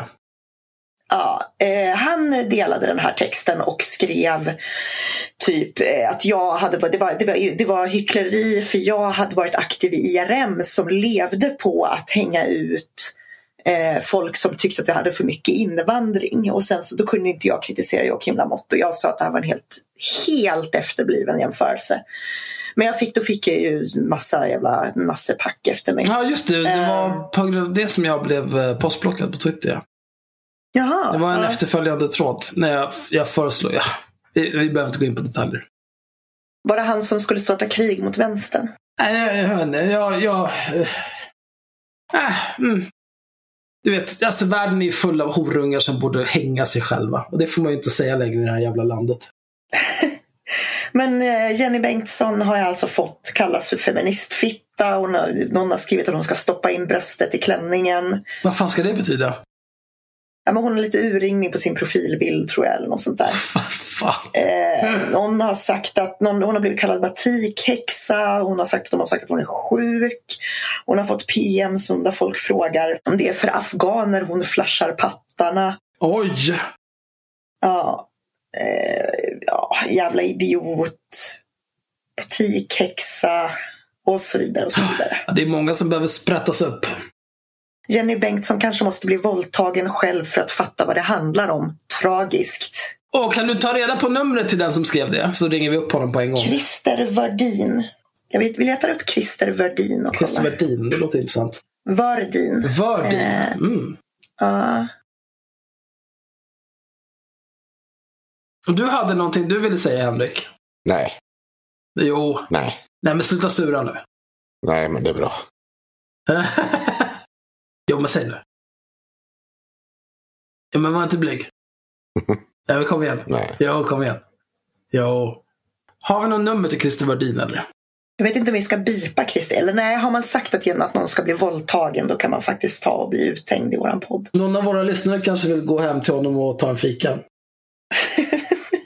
Fan, vi borde ha en databas med mm, folk att ringa när, när vi känner att vi vill ringa någon.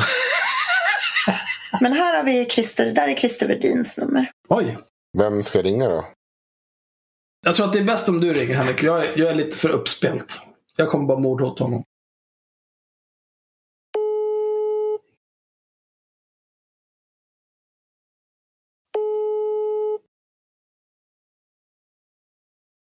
Hallå?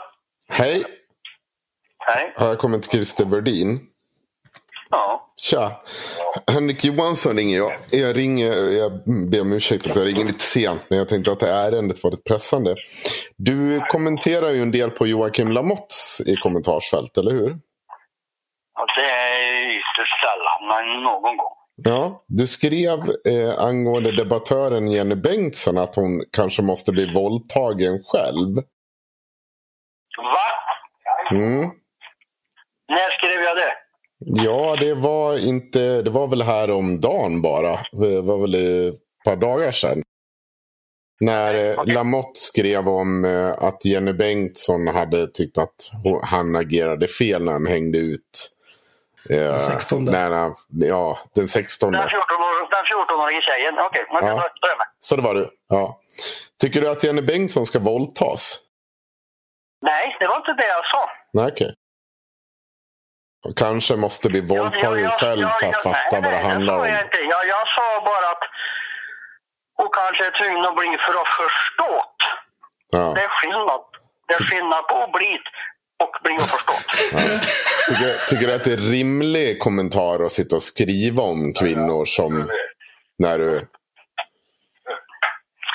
Eh, det beror på vad de andra säger. Hur så? Vart vill du komma? Oj. Nej, nej men, men, men hur menar du med, med de andra? Säg, vad var det Jenny Bengtsson sa som var så allvarligt så att du kände att hon kanske måste bli våldtagen själv? För... Jag, kom- jag kommer inte ihåg vad det var hon Vet du om hon har blivit våldtagen eller inte under sitt liv? Skrev hon det? Nej, det är väl ingenting. Måste människor gå ut och berätta att de har blivit våldtagna för att de ska slippa personer som sitter och eh, beter sig som ja, vecklon i sociala medier? Fråga om han hade kuken framme. Vem, vem är du? Henrik Johansson, jag ringer från en podcast som heter Haveristerna. Haveristerna? Ja. Okej. Och vad håller ni på med? Det är vad vi håller på med. Vi ringer upp folk som beter sig klandervärt i sociala medier. Och du har betett dig som en apa i sociala medier. Och då tänkte jag att jag ringer och pratar med dig om det. Jävlar i helvete. Vet du vad? Ring mig imorgon så ska jag prata med dig. Vadå då? Jo, för att jag är lite upptagen just nu. Vad gör du nu då? Han har kuken framme. Ja, jag har fem personer runt mig och vi sitter där och spelar kort. Jaha, okej. Så ring mig imorgon så ska du få svar. ja, det får, det får vi se. Hör det, ha det bra. Ring, ring mig imorgon. Ha det Chip bra. hej. Så. Vilken jävla apa. Det, det är kul. Han kom, det, det, det jag tycker är läskigast med det här är att han knappt kommer ihåg att han har skrivit det. Jag tycker att det är en sån sak som man borde komma ihåg att man har skrivit om någon. Jag tror att han kommer ihåg det. Han, han, hans uh, knee instinkt var nog bara nej, det, där, det, det kan jag inte tänka mig. Ja. Han fattar nog själv att det är klandervärt att skriva något sånt. Ja, men det är klart att han gör. Och jag tror att, men, men det jag menar är att jag tror inte ens, det lät inte ens som att han hade koll på vad hon hade sagt eller någonting. Utan jag tror att hela den där kommentaren är en knee-jerk. Han läser en kvinna som inte håller med honom och då är hans knee-jerk-reaktion att skriva hon behöver bli våldtagen själv för att förstå. Vilket totalt jävla äckel. Kan man fråga sig hur många gånger Christer Wedin har blivit våldtagen som har Mm. sån koll på saker. Och inte tillräckligt många skulle jag säga. Nej. Du skulle du ha frågat honom Henrik hur många gånger han har blivit våldtagen? Åh. Nu kommer mina hundar kuka Ja. men det, det löser vi. Nu tar vi in på nästa område. Det är som vanligt. Ja, nej, men då, då kanske vi är klara med Joakim Lamotte. Ja. Joakim Lamotte är i alla fall en extremt klandervärd person med extremt klandervärda följare. Och det han spenderar sin tid med att göra är att appellera till dessa klandervärda följare i syfte att skilja dem från deras pengar. För att han är ett Ja. girigt jävla svin, helt utan integritet. Och nej. Han, han saknar integritet, han är full av klander. Fuck honom. Han är klanderkungen. Kung Klander. Joakim Lamotte. Jag vill ta ett, avsluta med ett citat från mig själv. Ja. Jag anade att det skulle vara ett citat från dig själv. Ja, det är aldrig, jag, får ju aldrig, jag får ju aldrig några högläsare. Nej. Nej men så här, eh, det jag skulle vilja, för det, det, det jag ville säga så här. ehm, eh, jo, så här, till skillnad från vanliga tidningar finns, eh, så här, jag undrar om de någonsin tänker på att de själva kommer att straffas av en värld. Alltså, de första som råkar illa ut om vi får ett samhällsklimat där liksom drev ska åka hem och straffa människor lite godtyckligt baserat på vad olika affektjournalister skriver de första som kommer råka illa ut då är ju andra affekt, affektjournalister. Alltså all, andra kontroversiella personer. Eh, Joakim Lamotte har ju skrivit skitmycket om hur mycket hot han får motta. Men han, liksom, han matar ju själv den här typen av retorik. Jag, jag tror att mycket av hans snack om hur mycket hot han får motta är bullshit. Ja, vi borde ha lärt oss någonting om det här. Nej, men jag tror säkert att han får hot. Jag, jag, jag tvivlar inte på att han får hot och hat. Eh, men Nej. kanske inte i den utsträckning som han eh, låter påskina. Alltså det handlar ju om att förhålla sig till verkligheten. För om det är så här, okej, men folk hotar med och så här, om han på riktigt trodde att någon hade hotat och på riktigt skulle genomföra en terroristattack i Uppsala om han kom dit. Då tror inte jag han hade åkt dit. nej. Om han på riktigt fruktade för, sitt, eh, för sin säkerhet, för sin familjs säkerhet, då tror jag att han hade taggat ner. Men han gör inte det. Nej, men sen så han hade åtminstone, det här är ju ett sånt där, han har inte skyddad identitet.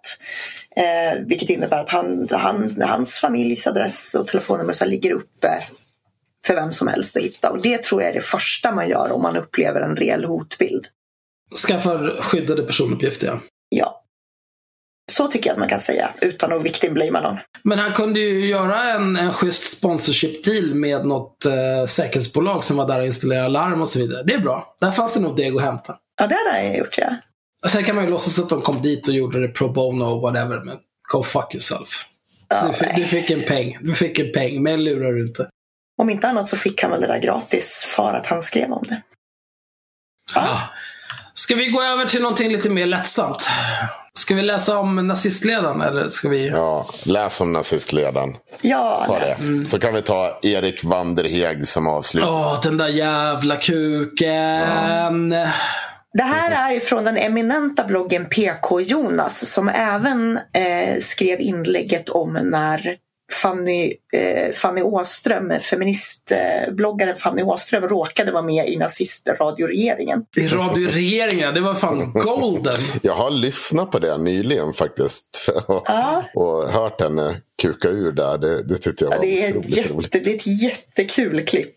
Det är verkligen hemskt. Det är, jätte, det är två timmar podd innan hon Mm. kommer på att hon är nazistpodd. Det är vad det är. Hon är inte så jävla smart alltså. Nej.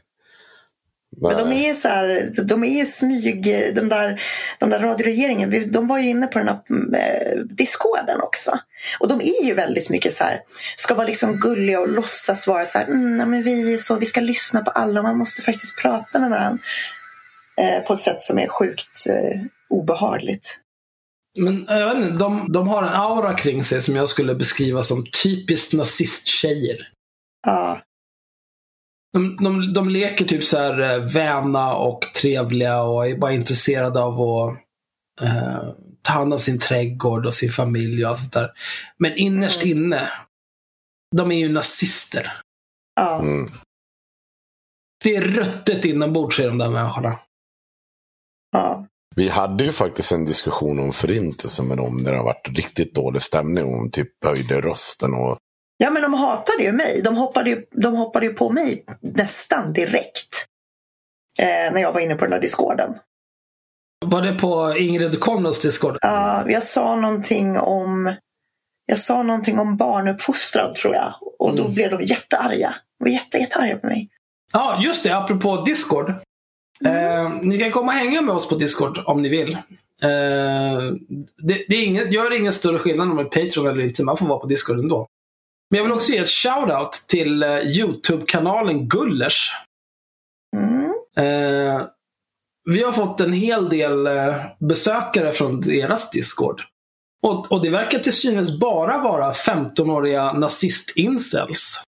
Som allihopa är horungar. Mm. Eh, och jag tycker det är fantastiskt. Jag har tittat på några videor från den här jävla YouTube-kanalen och det är typ... Eh, det mesta är It's just a prank bro. Mm. Eh, väldigt, väldigt dåligt. Väldigt, väldigt gjort. Eh, så jag tänker att i och med det här så startar vi någon typ av beef. Eh, gör en YouTube-video om haveristerna, vilka horungar vi är. Och sen så har vi det här i rullning. Alla drar in degen. Jag kommer in till er Discord och knullar era mammor. Dra åt helvete. Mm. Mm. Det var typ det. Ska jag läsa den här skiten? Ja. Mm. Det här pkjonas.se det är verkligen... Nazistledare finnes.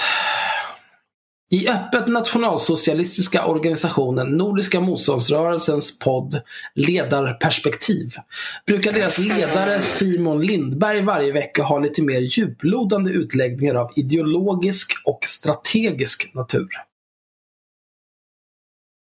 Ofta får man dock även en liten inblick i Lindbergs privatliv. Så också i senaste avsnittet. Senaste avsnittet är publicerat någon, någon gång i början av april. Man fick veta att Lindberg efter en längre tids arbetslöshet fått slut på a-kassedagar och nu var i behov av en anställning. Fått slut på a-kassedagar? Hur är det möjligt? ja, de räcker väl, vad är det? 300 dagar. 300, det är ju ett år! Ja. Jesus Christ. Tror att han skulle vara ledare för Nordiska motståndsrörelsen om han ville jobba? Men tror du att han kan jobba? Nej. Nej, det är väl det han inte kan. Det är väl det vi ska få reda på. Om jag inte är helt ute och cyklar vill jag minnas att Lindberg tidigare varit någon form av arbetsledare på ett callcenter eller liknande. Att hon utöver det har erfarenhet som ledare för en radikal kamporganisation borde väl inte göra honom helt oanställningsbar? Eller? Eller? Den som tror sig ha chansen att kunna lägga vantarna på en riktigt hårdför nazistledare för att kunna styra upp sin verksamhet kan dock se sig i stjärnorna efter detta. Poängen med att anställa Lindberg ska tydligen, enligt honom själv, inte vara att han ska arbeta för den som anställer honom. Lindberg sa i podden, jag vill vädja till er lyssnare, till medlemmar som sympatisörer, om att för kampens bästa fundera på om du kan hjälpa till i den situation jag och även många andra viktiga personer för kampen står i. Har du en egen firma till exempel, som du ändå känner att det går rätt bra för den här firman? Eller, kanske, eller känner du kanske någon sympatiskt inställd människa som har en egen firma? Skulle det kanske på något vis vara så att du skulle kunna tänka dig att anställa mig? Eller någon annan fanatisk nationalsocialist som lägger Oj. all sin vakna tid på kampen?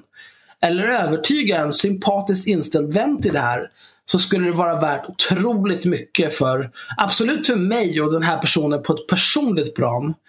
Men framförallt då för kampen i stort. Mm.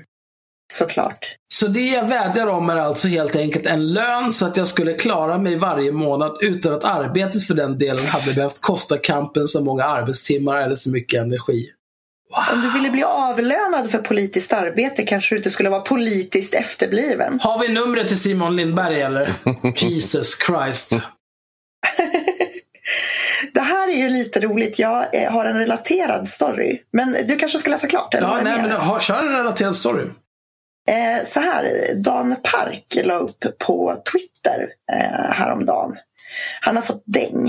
Eh, och då var det så här, det var en lite rolig kommentar från den här Twitter-tråden som jag tyckte var rolig eh, och relaterad. Jag försöker ta upp den nu. Eh, det var så här, ja, Dan Park lägger upp en bild på att han har, han har, slagit näs, han har blivit slagen på näsan. Han är väldigt blodig. Han, han ser ut ungefär som jag gjorde när jag hade dunkat ansiktet i en grushög när jag, var, eh, när jag ramlade. Det är intressant att du säger det, för att jag tänker så här. Bara, bara att Dan Park säger att han har fått spö så betyder inte det att han har fått spö. Nej. Det kan lika gärna vara så att han, som den jävla blandmissbrukare han är, har ramlat på fyllan och villan. Så kan det absolut vara. Det är, men det är mycket misstrofer idag så vi släpper det. Eh, då är det någon som frågar vänstern eller invandrargrupper. Då svarar han om det varit invandrargrupp skulle de även ha rånat den. Så det var helt klart vänstern. Vad va, va, vad finns det att råna honom på? Precis. Men det, det var inte det som var den roliga kommentaren. Eh, någon kommer in och skriver under den här tweeten och frågar hur försörjer du dig egentligen? Att provocera kan väl inte vara så lönsamt? Lever du på bidrag 100 procent? Och folk blir jättearga. Då svarar någon som heter förnamn efternamn på Twitter. Eh, For efter. Om han nu lever på bidrag så är det bara bra för Sverige. För det innebär att han tar pengar som annars hade gått till import av våldtäktsmän och mördare. Det är inte socialbidragstagarna som finansierar den förda politiken. Låt alla PK-svenskar betala fler socialbidrag, säger jag. Vad fan händer alltså? Men det är ju alltså, eh, det har jag ju pratat om förut, men Dan Park gjorde ju en intervju med Daniel Lampinen, den öppna rasisten. Där han enligt egen utsago säger att han inte har haft ett riktigt jobb sedan slutet av 90-talet. Nej. Så han har ju, ja, jag vet inte, levt på att- skala kabel och försörjningsstöd i 20 år. Mm. Vi finansierar hans quote unquote konst. Ja, och sen så liksom ramlar han omkring och blir dömd för hets mot folkgrupp i tid och otid. Och det kostar massa jävla pengar. Sitter på kåken, det kostar massa jävla pengar. Det kostar 3000 per dygn för en intern på svenska fängelser. Och den här jävla kukansiktet har aldrig gjort ett hederligt handtag i sitt liv, bidrar inte till ett skit i samhället. Har ändå mage att grina om så här, åh fan den auktoritära vänstern samtidigt som han slickar nazistkuk på Nordiska motståndsrörelsen och grinar om invandringens kostnader när han levt på bidrag i 20 år. Fuck Dan Park! Jag är glad att han fick däng, jag hoppas han får däng snart igen. Jag tar avstånd. Fuck honom, han kan dra åt helvete. Ja. Åter till oanställnings, fler oanställningsbara nazister. Mm. Det akuta problem som gjort att Lindberg just nu efterlyser en jobbfri anställning är att han blivit ålagd 11-12 timmars aktivitet per vecka inom jobb och utvecklingsgarantin. En aktivitet som Lindberg i podden nedlåtande, nedlåtande benämnde vuxendagis. Det är där du hör hemma! Din jävla apa! Han har ingen självinsikt, det kan ju konstatera. Detta hävdade Lindberg hotade inspelningen av Ledarperspektiv då vuxendagiset tog lika mycket tid i anspråk varje vecka som det tog att producera podden. Men 11 till 12 timmar på vuxendagiset, 11 till 12 timmar på podden. Då har vi 22 till 24 timmar. Du har fortfarande 16 till 18 timmar kvar till en heltid din jävla apa. Mm. Ja. Och, ah, det är så dumt. Hade han en heltid skulle han inte behöva gå på vuxendagis heller. Nej, precis. Då kan han, precis som vi gör, lägga sin fritid på vuxendagisaktiviteter som den här skiten. Precis. Lindberg uttryckte också en viss oro för att vuxendagiset i förlängningen skulle leda till ett heltidsarbete. Ja, det vore ju fruktansvärt. Och då skulle han nog i varje fall inte kunna spela in ledarperspektiv så ofta som varje vecka. Jag tycker dock att Lindberg borde ha i åtanke hur hektiskt livspussel vissa personer längre ner i Nordiska motståndsrörelsen hierarki verkar ha. Hans organisationskamrat Elin är till exempel med och styr upp både veckopoddarna Radio Regeringen och NR Bohuslän samtidigt som hon förvärvsarbetar om dagarna. Det länder henne heder. Mm. Vår neger Elin har ett jobb. Mm. Mycket bra. Det är bra. Ja, jag hoppas du jobbar heltid, annars kan du dra åt helvete. Avslutningsvis tycktes inte de två senaste årens kontakter med Arbetsförmedlingen ha imponerat särskilt mycket på Lindberg. Lite senare i samma avsnitt av Ledarperspektiv kom han i det återkommande segmentet Veckans betraktelse osökt in på Arbetsförmedlingen.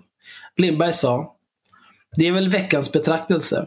Att Arbetsförmedlingen i dagens Sverige är precis lika värdelös som resten av samhället i dagens Sverige och att den nationalsocialistiska motsvarigheten till Arbetsförmedlingen, den skulle vara lika fantastisk som resten av det nationalsocialistiska samhället och det med väldigt, väldigt enkla medel. Är, är, han, är han någon typ av enkel i huvudet den här snubben eller? Det var det dummaste jag hört. Ja, När det gäller kraven som skulle ställas av framtida fantastiska nationalsocialistiska arbetsförmedling ville Lindberg utradera något han kallade rockstjärnementaliteten. typ att man inte ska behöva jobba, men få betalt ändå. Där vissa ansåg sig vara för fina för vissa jobb. Han menar att om en person anvisades ett städjobb skulle denne bli tvungen att ta det eller helt enkelt inte längre kunna räkna med att försörjas av staten. Detta, detta måste dock sägas vara lite hycklande då Lindberg några minuter tidigare själv försökt undgå förvärvsarbete till varje pris. Men det är Ja, klart, det var ju för kampens skull. Fan den här PK-Jonas alltså. You're making a lot of sense. det är en bra, det är en bra blogg. Ja, men samtidigt så är det en jävla blogg. Alltså. Det är svårt att ha någon typ av tilltro till sån här skit.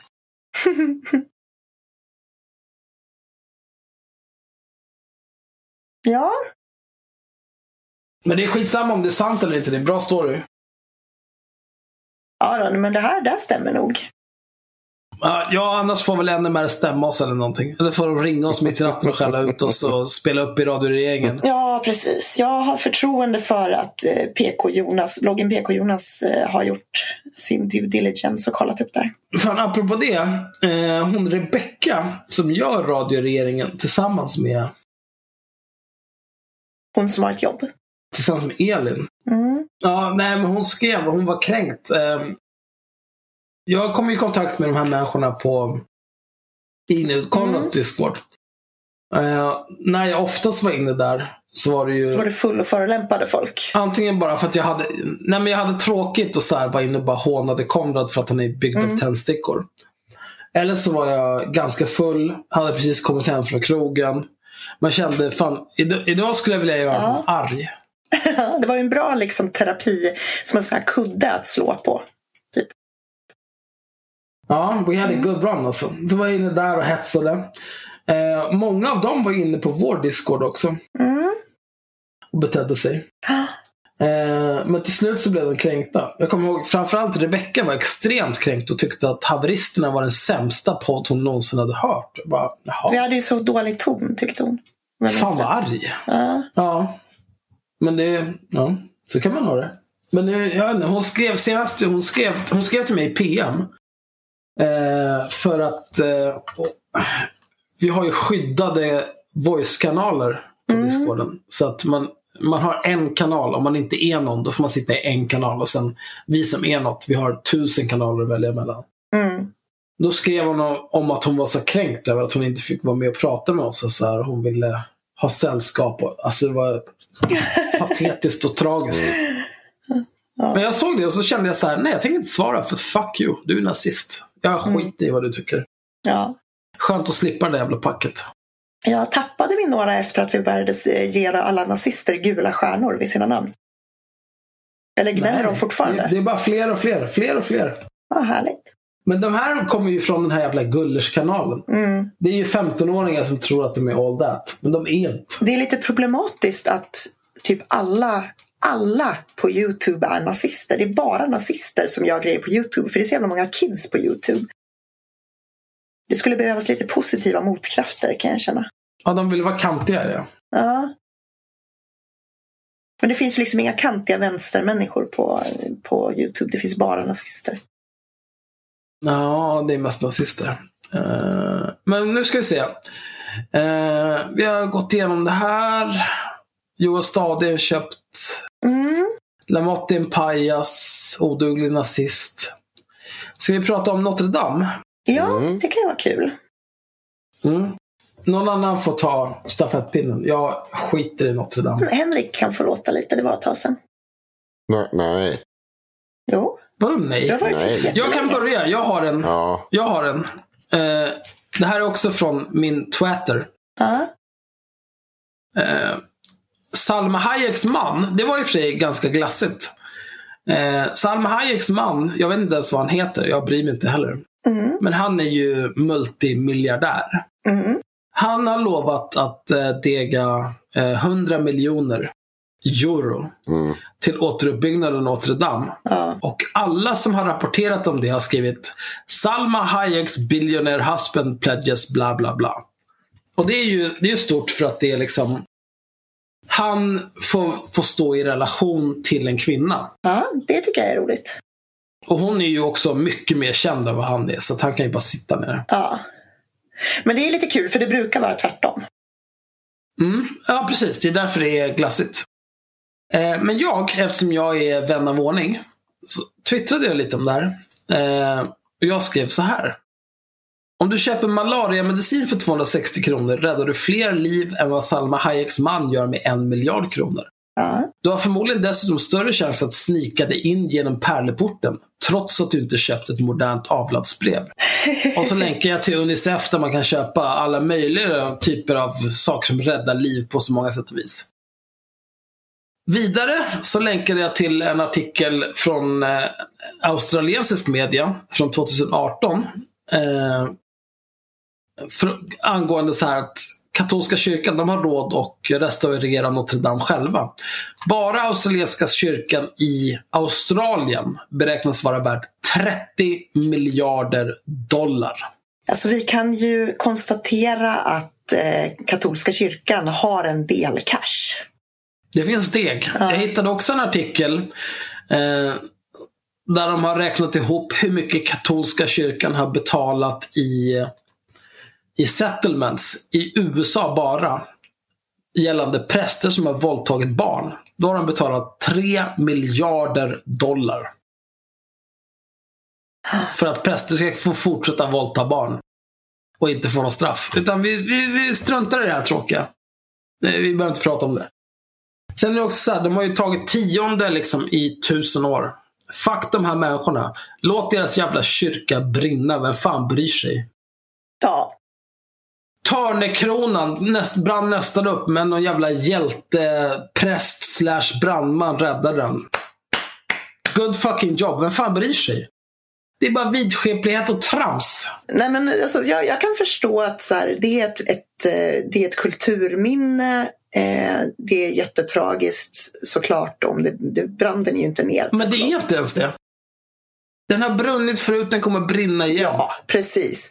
Eh, det absolut roligaste med det här var ju att det väckte varenda jävla högernationalist som plötsligt brydde sig jättemycket om Notre Dame. Och, och så, men det var ju därför att det fanns konspirationsteorier om att det skulle vara muslimer som har tuttat på den här Ja, det är klart.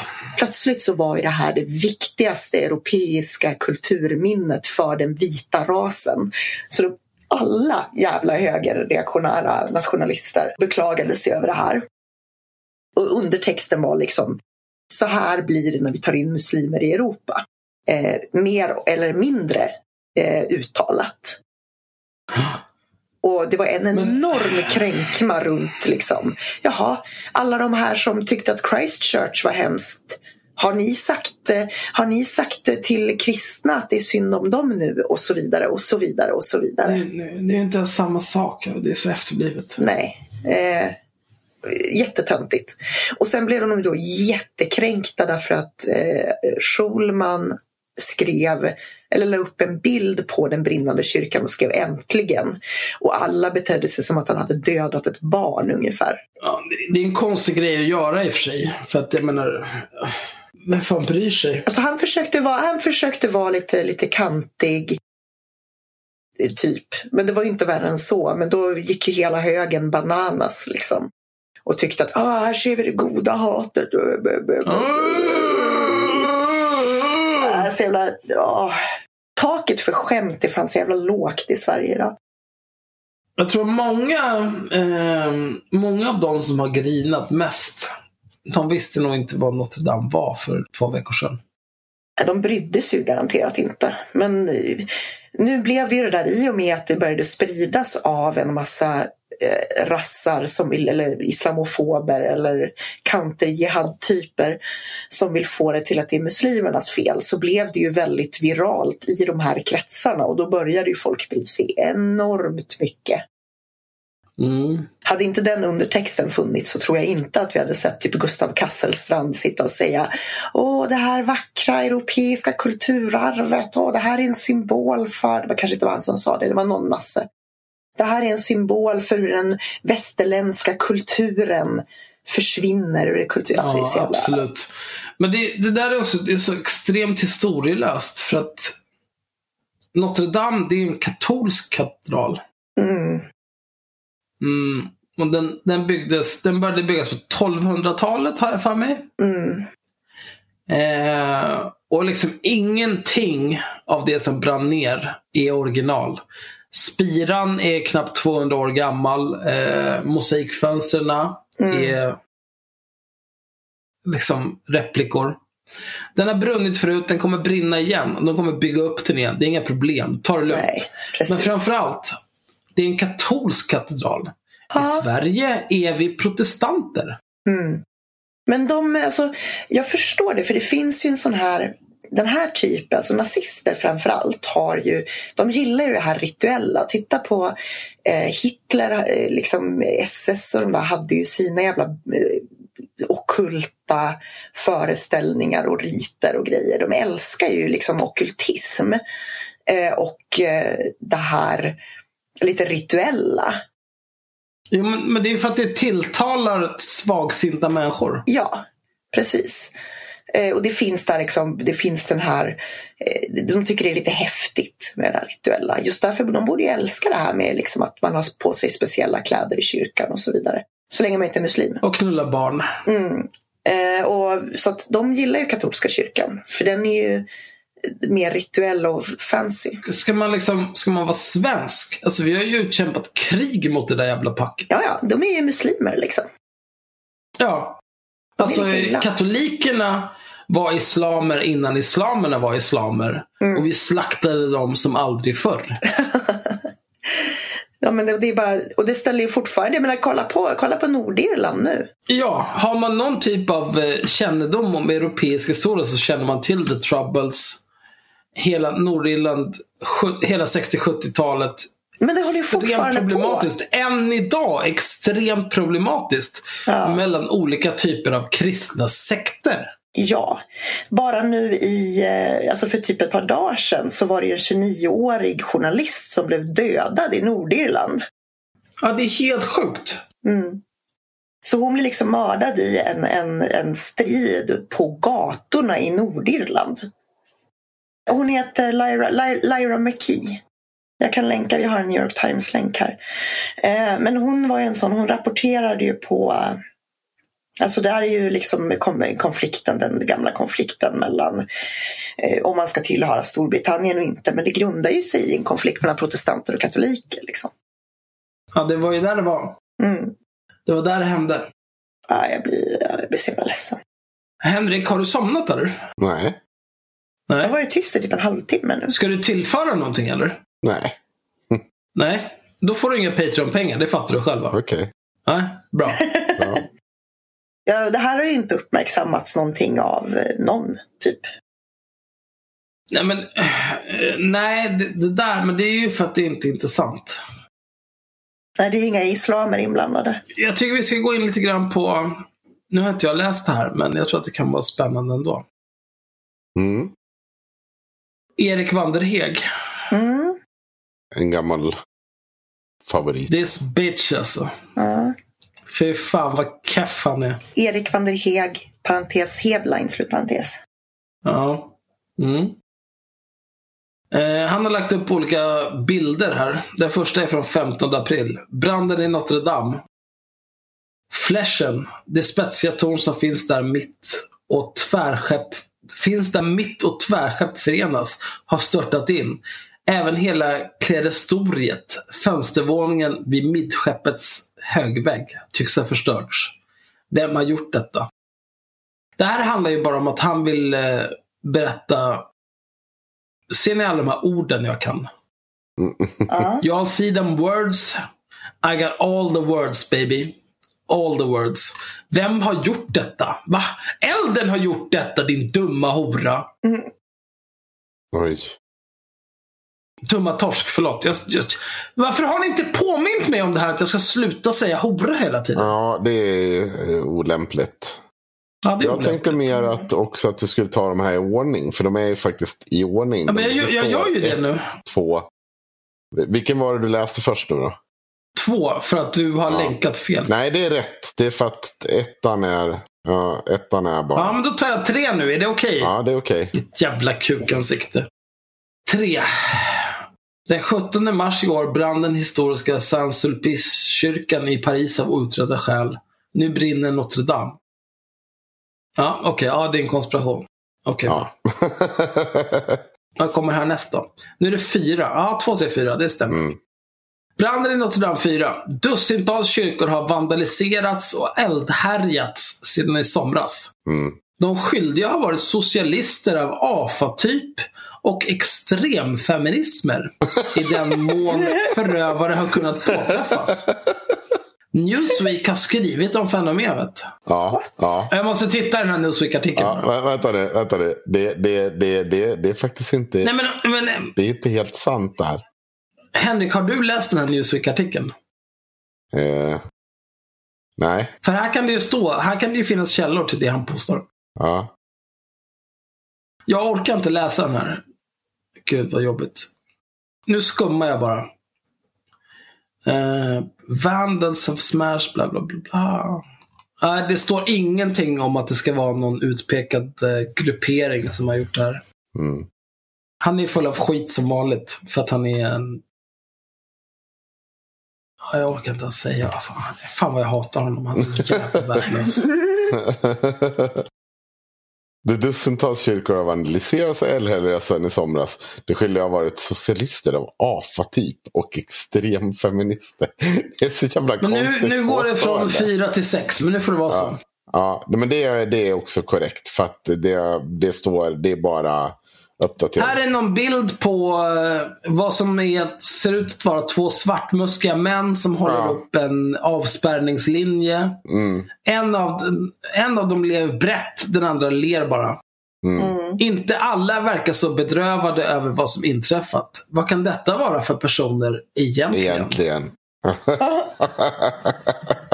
ja, ni har alltså tagit en bild på två människor som ska gå från en punkt till en annan. Som kanske Ja, någon det, det, är helt, dumt. det är helt omöjligt Ja. att veta varför de ler. Det är Ja. det dummaste jag sett. Bilden är också, jag, jag vågar inte ens säga att det där är en äkta Kan, bild. kan vi inte men- ringa Erik Wanderheg? Kan de ordna hans nummer? Ja, jag ta- gör det. Erik. Wanderheg, din jävla fitta.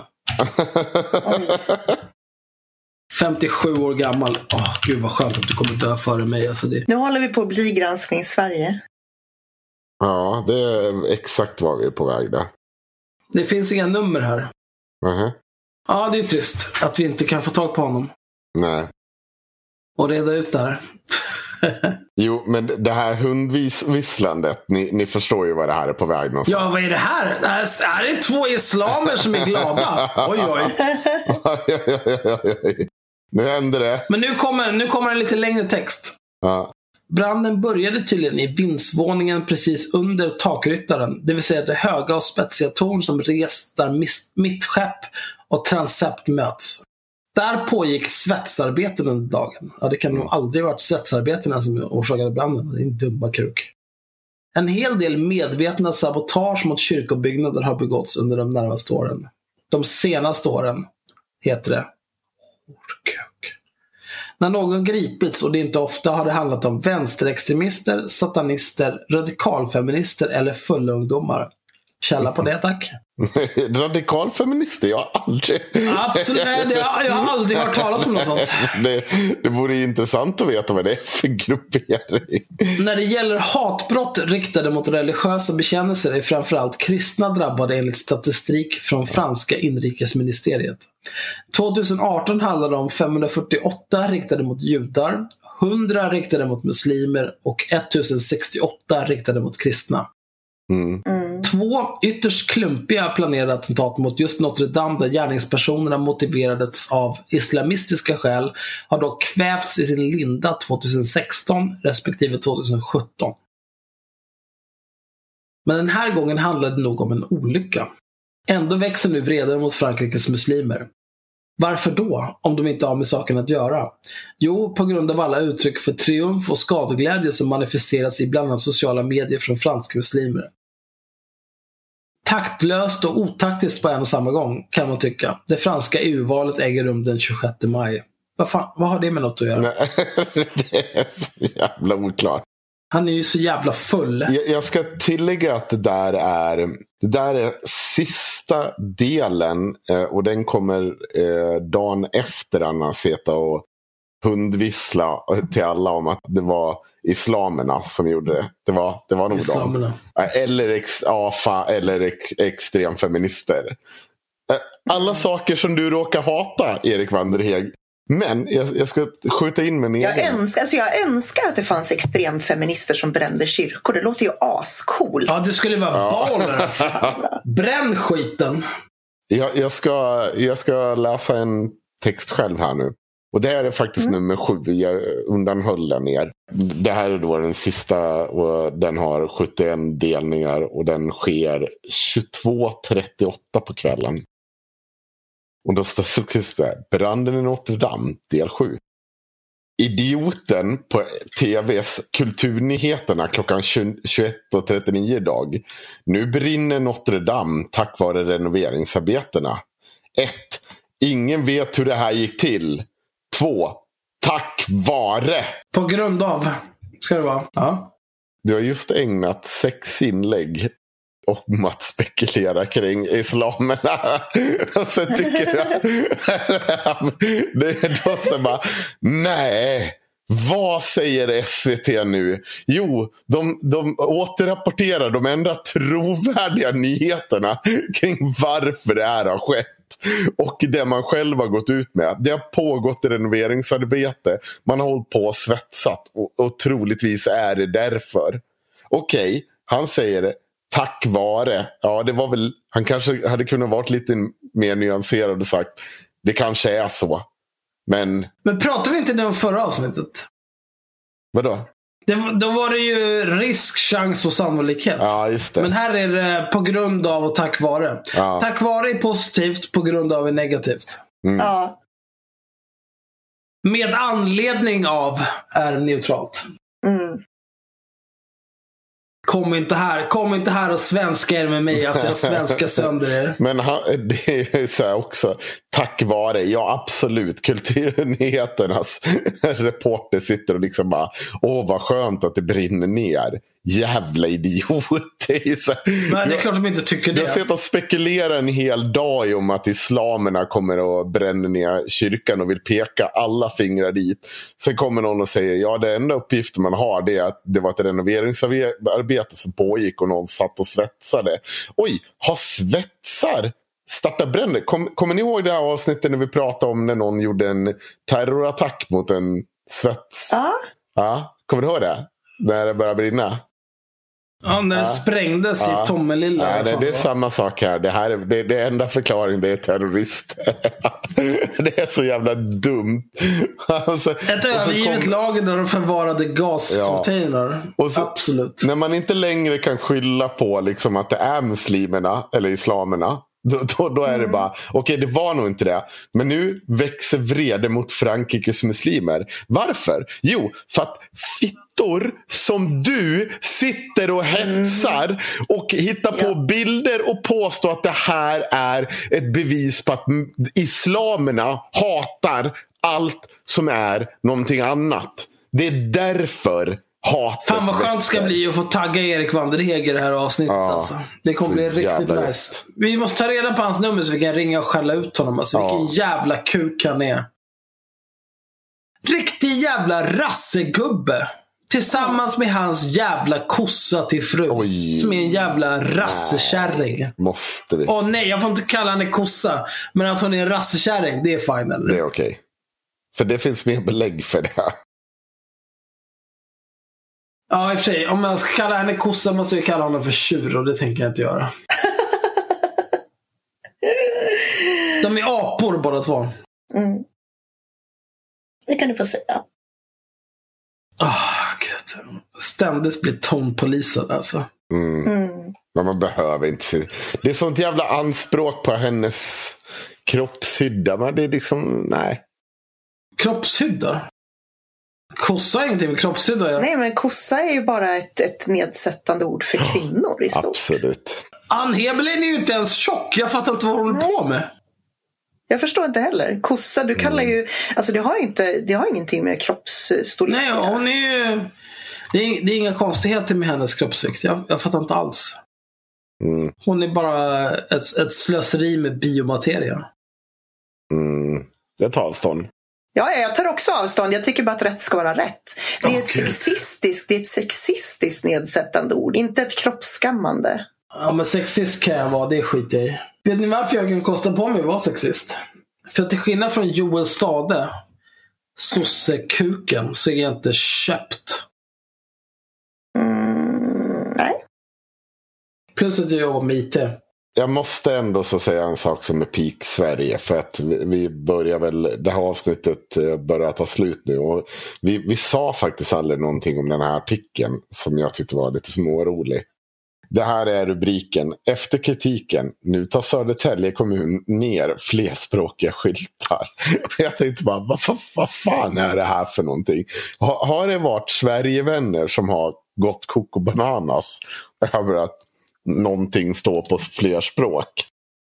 och då var det så här. Vägskyltar i Södertälje som välkomnar besökare på olika språk har i helgen fått stark kritik då ett av de största språken som talas i kommunen, assyriska, syrianska, inte står med. Nu väljer Södertälje kommun att ta ner skylten. Va? Busheino betyder välkommen på assyriska syr- syrianska. Ehm, Det språk som uppskattningsvis 35 procent av Södertäljes drygt 100 000 invånare Oj! talar. Men, men ordet står inte med på kommunens vägskylt in till E4 Ah, som ah, välkomnar ah. förbipasserande på 13 språk. Efter att detta uppmärksammats i sociala Pinsamt. medier i helgen har nu kritikerstormen blossat upp. Och så står det, har de drivit ut någon syrianer där som står och pekar på skylten. det är liksom så här, Det är så här ledsen lokaltidningsbesvikelse. Precis.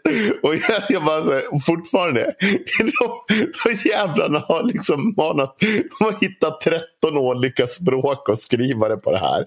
Men ditt språk fanns inte med. Så nu är jag jävligt kränkt över det här. Ja, det alltså sorry, Kränkt. men jag kan inte förmå mig på annat än att skratta åt att men vi, Herregud, vi alltså. försöker, eller vi försöker, men du vet, de, de så här kommunaltjänsteman har försökt så jävla mycket.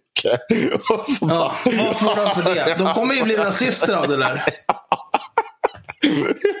Alltså, jag försöker och försöker. Jag kämpar för att inkludera alla. Men de här jävla svartingarna alltså. De ska ha allt. ja, men De är så otacksamma. men framförallt, jag tänker inte så. Jag tänker också att de så här, nu kommer de pekas ut som rasister för att de inte har gjort Ja, ja, det här rätt. De har liksom inte lyckats få med alla språk och allt gick åt helvete ändå. Och allt, vi vet ju att liksom, det, det, ja, Nej, det är för jävligt. Nej, det, det är bara för dumt. Och så, hans svar är också så bra. Egentligen så tycker jag att skyltarna bara ska stå på svenska. Men nu har de, har de på 13 andra språk. Men inte på det språk som 30-40% talar i Södertälje. Det är jättedåligt säger Adia Betkini. Tror jag det eh, äh, uttalas. Jag vet inte. Vars inlägg har fått över 500 reaktioner. Och så, så har de lyckats dragit fram någon från kommunen också som de, som de gör.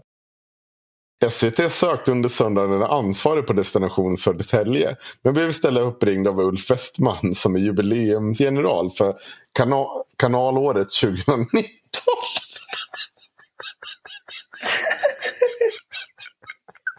Wow.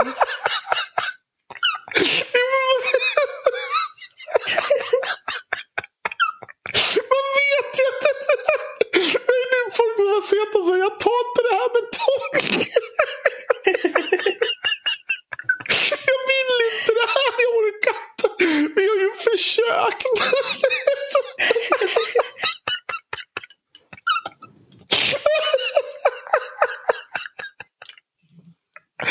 Alltså jag, jag är inte fullt så road av det här som du är. Men det är så jävla kul. Jo, men för att jag ser, jag ser de här kommunalanställda och liksom allt Ja. det här som man, man, man måste säga.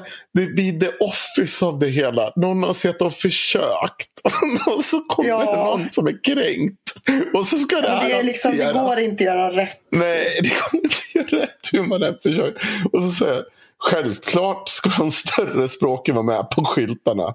Det är den mänskliga faktorn som har gjort fel.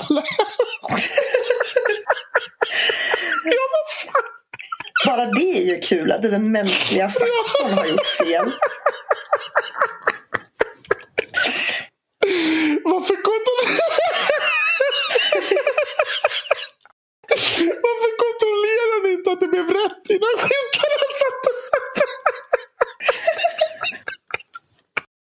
Det är så jävla dumt. Och de har verkligen försökt. Det är miss från... Det, är givetvis, det, det finns givetvis ingen mening eller tanke från vår sida att utesluta någon. Vi har sagt att vi skulle ta med, ta, ta, ta med de största språken. Men sedan någonstans på vägen så blev det ett misstag. ja, det är jättebra svar. Och så kommer frågan. Vad säger du till dem som känner sig besvikna och exkluderade?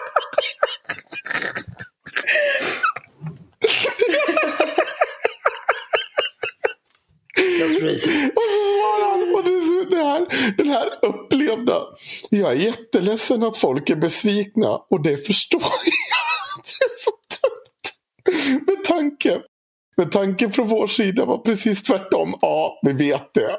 Vi vill att det ska vara inkluderande och stolta över mångfalden i Södertälje.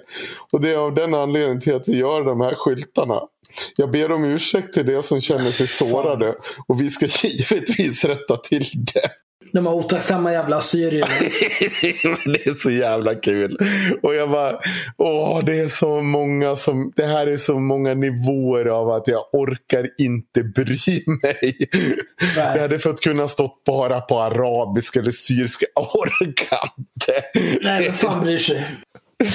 Åh, det är så mycket artikel för så, mm. Men otroligt nog så finns det även assyrier som är arbetslösa och oanställningsbara. Som har tiden att lägga på sina skit. Men vi ska prata om eh, Ebba Busch motherfucking Tor.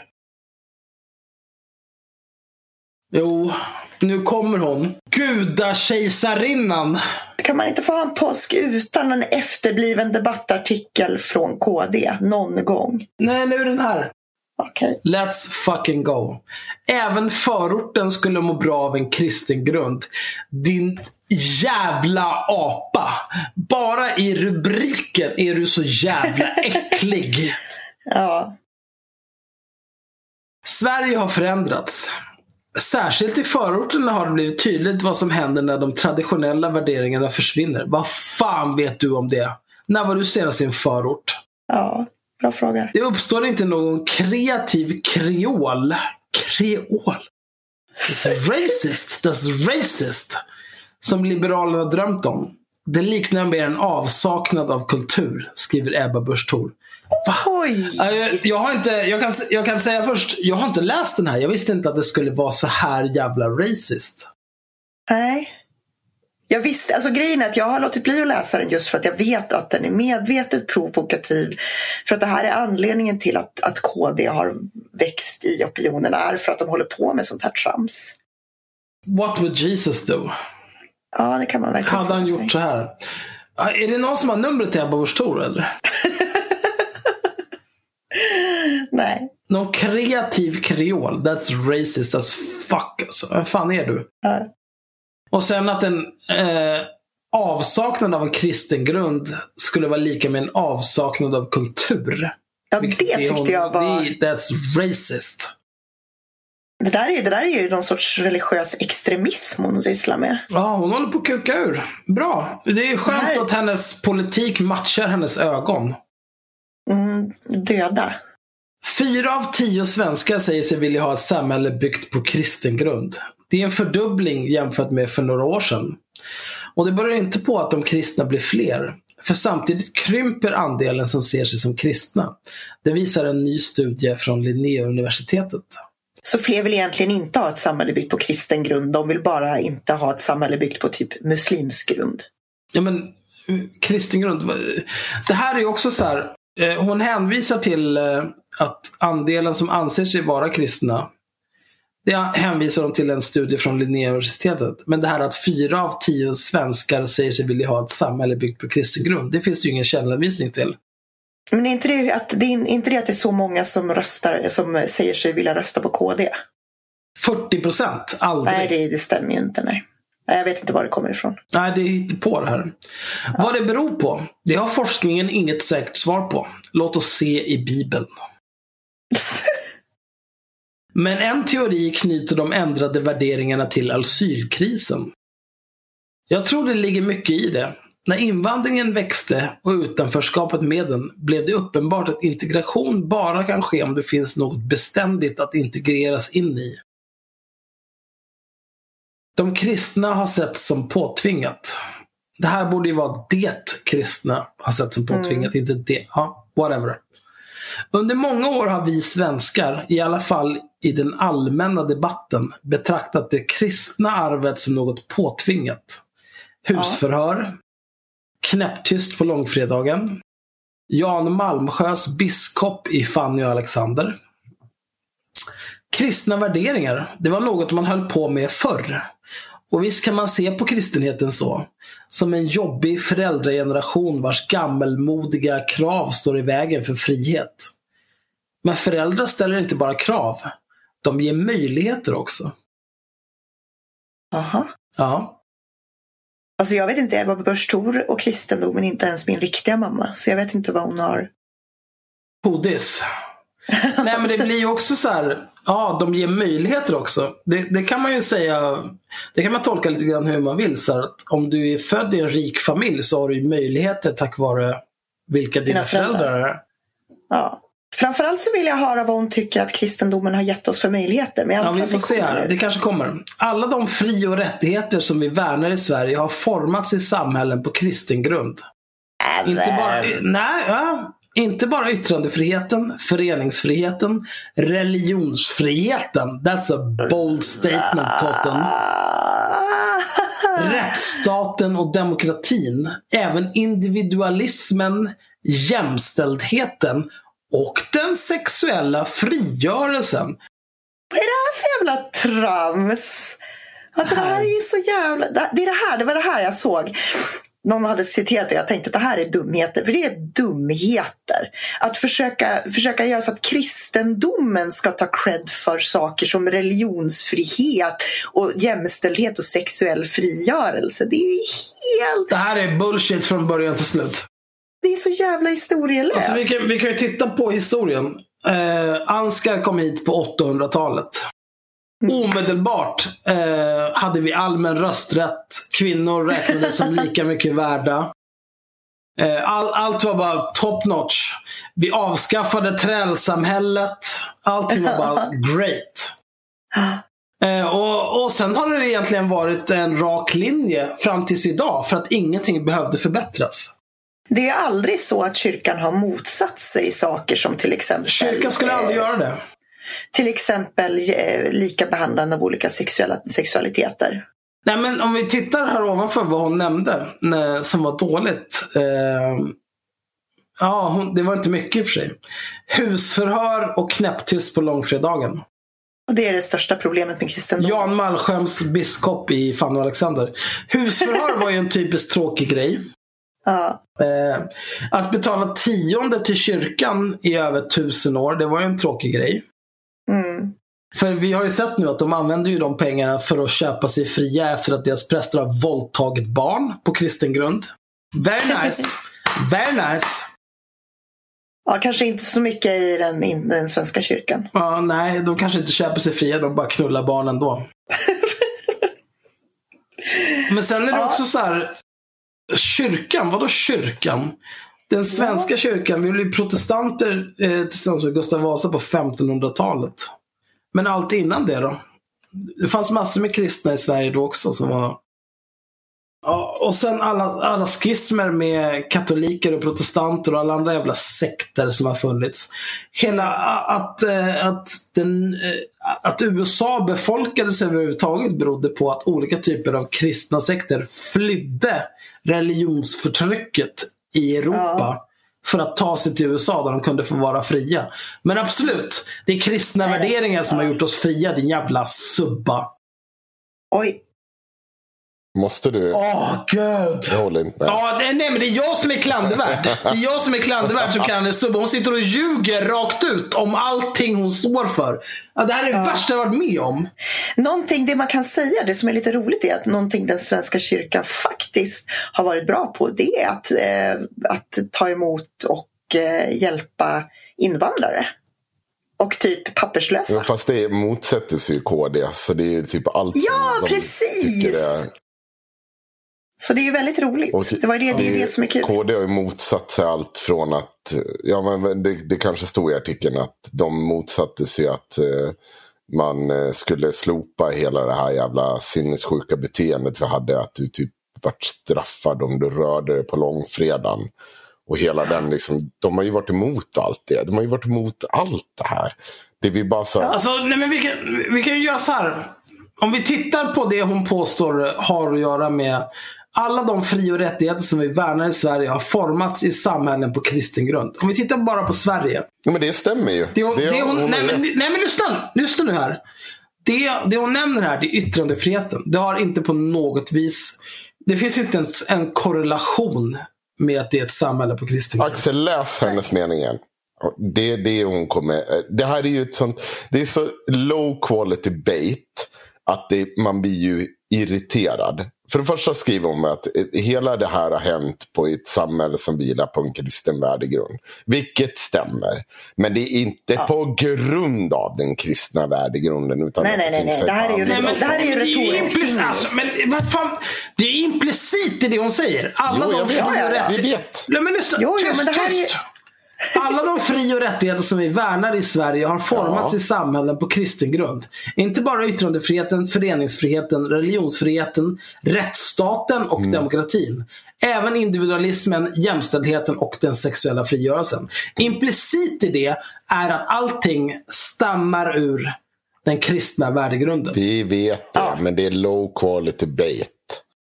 Nej, det är inte low quality. Det är inte low Det är inte quality low bait. quality bait. Däremot så är det retorisk pingis. Nej, jag tror att det är faktiskt precis det. Hon vill precis att vi ska ha den här jättediskussionen. Vilken jättediskussion. Att Som vi konstaterar att, ingen, att ingenting av det hon säger är sant. Nej, att alla, alla som inte håller med henne blir bu total budbärare av hennes eh, trams. Budbärare av vad? Nej, men det här är, det här är ju, det är som, alltså det har ju Henrik rätt i, att hela den, här, hela den här debattartikeln är ju bait. Det var ju det, det var det första jag sa. Var att det här är ju det hon sysslar med. Hon skriver uppenbart felaktiga och provokativa debattartiklar för då kommer de att spridas och sen så fortsätter KD stiga Men vad, vad fan är det här med spridning? Vem fan bryr sig om det? De bryr sig. Nej, men jag skiter i vad, alltså KD, jag har aldrig brytt mig om vad de tycker. Jag är intresserad av vad som är sant. Jag skulle säga att det är, jag skulle säga att det är det sekulära, att Sverige är så sekulärt som gör att vi har fått den typen av Ja. människorättsfriheter vi har. Inte bara det sekulära samhället. Om man tittar här, yttrandefrihet, föreningsfrihet, religionsfrihet, rättsstaten och demokrati. Det är inte bara det sekulära samhället. Det är arbetsrättsrörelsen. Får jag säga en sak Mm. om det här? Säg en sak för all del. Jag tror att det här är precis en typ av... Alltså det här är ju en extremt subjektiv sak. För det är inte den enda gången jag har varit med och spridit text, alltså texter som folk menar är low quality bait. Man har ju så olika, ja men man, man, ska inte sprida det här av SD för det är det de vill. Och det, detsamma använder jag vid vissa tillfällen. Men jag tror att det här är ett av de här, så här riktigt tydliga exemplen på när KD vet exakt varje mening vad de skri eller skriver. Och att den är utformad så för att alla andra ska bli budbärare av det. Alltså det finns inte nog klandervärda saker mer än ja, viss historieförfalskning. Men det finns liksom ingenting sådär superklandervärt som hon säger i den. Så att man blir... Allt här är klandervärt. Ingenting de skriver är ju sant. Vi tycker det. Du och jag tycker det. Men det finns... Nej, det handlar inte om vad vi tycker. Det är objektivt sant att allt ja, som påstås det, i den här artikeln ja, är men, lögn. Men det, det, poängen Henrik försöker göra är att det är också formulerat på ett sånt sätt att hon kan säga att hon inte säger ja. det hon uppenbart kan säger. Kan vi ringa Ebba Busch här Nej, vi kan nog inte det. Det är det jag menar med att det är retoriskt ja. ingis. Alltså hon skriver att det här har vuxit fram i ett samhälle på kristen grund. Då säger man då, men det här är ju inte sant. Då kommer hon säga, jo, för att vi hade en kristen grund i Sverige och det här uppstod i Sverige. Så det är inte en lögn. Raketkraften i den här artikeln, det blir just att alla faktiskt blir budbärare åt budskapet. Alltså i princip. Alltså, vi, vi, alltså vi, menar, det här är ju en uppenbar lögn därför ja. att vi vet att liksom demokratin växte fram innan Kristus födelse till och med. Ordet demokrati kommer så från 500 Demos år innan Kristus. Kratos. Ja, men, eh, och, och, och sen, sen liksom, det, det, här är ju bara dumheter. Ja, det, men det är uppenbara det dumheter. Blir väldigt, De vet ju om att det, det blir väldigt mycket som när eh, Sverigedemokraterna gjorde den här kampanjen på Östermalm i tunnelbanan. Att det blir liksom, mm. man förlitar sig verkligen på att det är inte, det är inte våra, våra eh, följare som ska bli budbärare utan det är våra motståndare som ska bli budbärare till alla. Alla ska få veta om det här. Och de ska få höra vårt ord. Och vi, och vi kommer till syvende och sist framstå som ganska bra och eh, positiva till de här sakerna. Hur kan de framstå som bra eller någonting positivt av det här? Det är bara på alltihop. De kan det för en person som läser det med inte lika onda ögon till KD. Att ja, men det här låter det som Ebba Busch Thore för de här förändringarna jag, jag, jag, jag har inte ens bra. onda ögon. Nej. Jag, jag, har, jag har gått ut högstadiet. Mm. Det, det, är de enda ögon jag har. Men vet, får jag säga en sak? nej, men som, nej, men som skriver så här. Under många år har vi svenskar, i alla fall i den allmänna debatten, betraktat det kristna arvet som något påtvingat. Husförhör, knäpptyst på långfredagen, mm. Jan Malmsjös biskop i Fanny Alexander. Är det när de brände häxor? Mm. Nej, nej, det kommer hon inte säga. För att hon, hon, hon... Nej, men jag säger ja, det! Men i, Fuck vad den här jävla häxan säger! Säg, kan jag få säga, och det låter ju riktigt bra. För hon får ju allt det här som vi i närtid relaterar till kristendom. Som faktiskt, jag kommer ju ihåg när det var det här. Det måste ju du komma ihåg Axel. Att när jag var typ runt mellan fem och tio där. Ja, eller inte fem, för då var men om vi säger mellan sju och tio där någon gång. Där jag fortfarande sprang runt i grannskapet, alltså kunde gå ut själv i grannskapet. Så kommer jag ihåg att morsan sa så här på långfredagen och sådär. Då, då gick man inte över och störde någon. Det fanns liksom mm. kvar. I min, det finns så många människor som har det här kvar i minnet. Och när hon säger det som en negativ sak och sen ställer sig bakom de positiva sakerna det här kommer vara, det här är, jag, skulle, jag kan redan nu utse till att det här är en av årets mest briljanta texter. Fast jag tycker att det är totalt skräp. Men hon har Vad ska vi göra då? Ska vi, ska vi bara sätta oss på knä och suga en Tors alltså, kuk? Grej... Eller ska vi såga sönder den här jävla texten? Nej men vi har haft, den här typen av diskussioner har vi haft vid olika tillfällen. Och jag säger att det är subjektivt och det, det, går inte att alltid peka på vad som är rätt och fel i det. Men, jag har inga problem att peka på vad som Jo, jag vet. Jag vet att du kommer, du kommer gladeligen och vi kommer skratta till det. Men vi blir, alltså, jag tror att vi ska göra det med den djupa insikten att de tänker att vi ska göra det. Att de jag vill att vi det. ska göra det. Jag skiter i det. och så, och så ja, de lyckas. De har lyckats. Så det är en genialisk text. Det är en genialisk kampanj. Jag skiter i det. Jag skiter fullständigt i det. Alltså jag kan... Så här. Eh, om någon skriver någonting extremt klandervärt, Mm. som den här texten. Ja.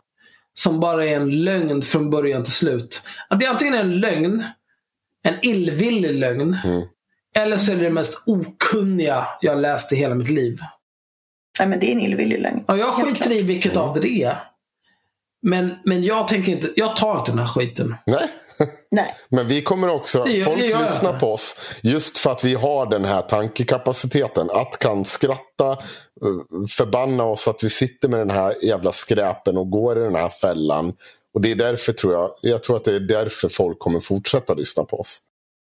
Ja, men det här med att man, man går... Jag, jag, accepterar det här med att det är säkert... Eh, det, det kan mycket väl vara så att syftet med den här texten är att provocera till den till den grad att folk sprider och säger Titta på de här sjuka jävlarna, bla bla bla. Men eh, jag, vet inte, jag, jag tycker inte att det är någonting som vi kan ta hänsyn till. Nej men det har jag inte sagt. Nej. Jag bara säger att man ska ha det med sig när man läser Ja, ja visst. skiten. Men alltså, det, jag har inga som helst problem med att såga sönder hela den här texten. För det är bara skit från början till slut. Det är okunnigt eller illvilligt. Absolut. Det är också ett tema, okunnigt eller illvilligt. Jag tycker att vi återkommer till det väldigt ofta. Och båda är dåliga. Båda är dåliga, men det ena är sämre. Ah, ja. Ta er religion, tryck den upp i arslet. Jag vill inte ha någonting med det här att göra. Nej, men det är väl klart att inte KD kommer att förespråka liksom det sekulära samhället, även om det är det sekulära samhället som står för de här. Jag menar, på 1700-talet så var det så vetenskapsfilosoferna som pratade om att, att det var viktigt med demokrati. De ställde sig ju emot religionen, Ja, kungen. vi minns väl alla Galileo Galilei. Kan vi gå och lägga oss nu? Nej, och vi är inte oss nu? klara med den här jävla texten. Ja, gud, jag orkar inte. Fuck de här människorna alltså. Ah, Okej. Var har du störst möjligheter att förverkliga dig själv? Oavsett om du är lesbisk ateist, muslimsk djurrättsaktivist eller feministisk folkpartist lär svaret bli samma. I ett land byggt på kristen grund. Nej, i ett land med sekulära värderingar. Det här är så jävla fräckt alltså. Hur fan vågar de skriva så här? Ja, Det har vi redan förklarat. Men kör på. ja. Starkare ekonomisk utveckling. Jag vet att det är ovant att tänka på det sättet. Men man kan göra ett enkelt test med ett par grundläggande frågor. I vilket land, i vilket sorts samhälle lever du bäst som kvinna? Var är det bäst att vara homosexuell? I vilken del av världen är det enklast att tillhöra en religiös minoritet? Resultaten är inte huggna i sten och det finns avarter. Men chansen är stor att svaren pekar, på, pekar ut samhällen byggda på kristen grund. Absolut, din jävla fitta. Oj. Titta på Sydamerika. Där 12-åriga flickor som har, begått en, som har gjort en abort för att de har blivit våldtagna blir dömda till livstidsfängelse för mord. På grund av kristna värderingar. Ditt jävla äckel! Så jävla äcklig! Det finns ganska många kristna, eh, det finns jättemånga kristna samhällen där man könsstympar flickor till exempel. Ja, det är så jävla vidrigt alltså. Hur fan kan de göra så här? Det är så jävla äckliga. Vi behöver ha Ebba Busch Thors nummer. Jag behöver ringa och prata med henne om det här. Det här är det vidrigaste jag varit med om. Ja, det är en vidrig text. Till och med så här, alltså, Sverigedemokrater som heilar nazister. Haj... Det här är så jävla äckligt. Alltså, de här människorna som låtsas vara goda, men de är onda. De här människorna är onda. Man kan ju sätta det i relation till att Lars Adaktusson har varit med på sånt jävla väckelsemöte med en bunt religiösa extremister. Extremister. Det, och så vill de inte göra någon stor grej av det. Tänk om det hade varit muslimer. vill säga att det är bara vänstern som kommer och gnäller. Om det hade varit Mehmet Kaplan, ja. ja. Mm. Det gick sådär. Förutom, förutom då att Adaktusson typ var väl, var väl talare till och med. Det var inte bara det att han satt i samma sammanhang som dem. Och så sitter han och drygar sig på Twitter och bara Han är också alltså avlid. Okej, men vi gör så här. Vi tar oss igenom den här eh, texten lite snabbt. Och sen kör vi lite avslutande kommentarer kring vilka jävla horungar Kristdemokraterna är. Är så stark i dina ord just nu, känner jag. Nej, Jag hatar, jag hatar verkligen de här människorna. Det här äckliga jävla hycklandet. Det här historielösa lögneriet. Det är så jävla vidrigt. Det är så jävla, jävla äckligt. Okej, läs klart texten. Nej men alltså när jag läser det här så då blir jag på riktigt orolig för landet vi lever i. Mm. Ska vi eh, Ska vi låta oss förslukas i den här okunniga jävla dumheten som redan har liksom krossat USA? Där de håller på på det här viset hela tiden. Det här är en typ av radikalisering, ja. Det här är ju religiös extremism. Mm. Så länge Ja. politiken Ja, ja. huvudsakligen rörde sig längs skalan mellan höger och vänster spelade de här frågorna liten roll. Partival handlade om fördelningspolitisk profil. Jag själv till exempel sökte mig till Kristdemokraterna på grund av intresset för äldrevården. Det är fortfarande en kärnfråga för KD och många av partiets väljare. Ja, för att ni är alla döende på grund av hög ålder. För ingen, ingen normal människa som är född de senaste 60 åren delar era värderingar. Det äckliga jävla De, håller ju, de har ju börjat få bygga upp en ny väljarbas nu. Med Ja, massa... men det här är, ja, men det, det är en annan jag, jag är ju sällan den som skyller på invandring, men det har ju att göra med alla de här jävla kristna... Ja. Mm. Ja, ja. Mm. Evin Bydja och bla. Ja. De är inte svänkar. De är inte svänkar. De kommer aldrig bli. Yes, kör. Det är fortfarande en kärnfråga för KD och många av partiets väljare. Men under asylkrisen framträdde en annan dimension. Politik gällde inte längre bara storleken på det femte jobbskatteavdraget. Och KD lockar nu som aldrig förr. Ah, horor. Sverige har förändrats. Särskilt i förorterna har det blivit tydligt vad som händer när de traditionella värderingarna försvinner. Ah. Det uppstår inte någon kreativ kreol som Liberalerna drömt om. Det blir ingen räddning för våra pensioner som Socialdemokraterna påstått. Och även om Sverige har problem med radikal islam så har det inte blivit någon kulturell islamisering som nationalpopulisterna varnat för. Nej. Jag tycker mer det ser ut som en avsaknad av kultur.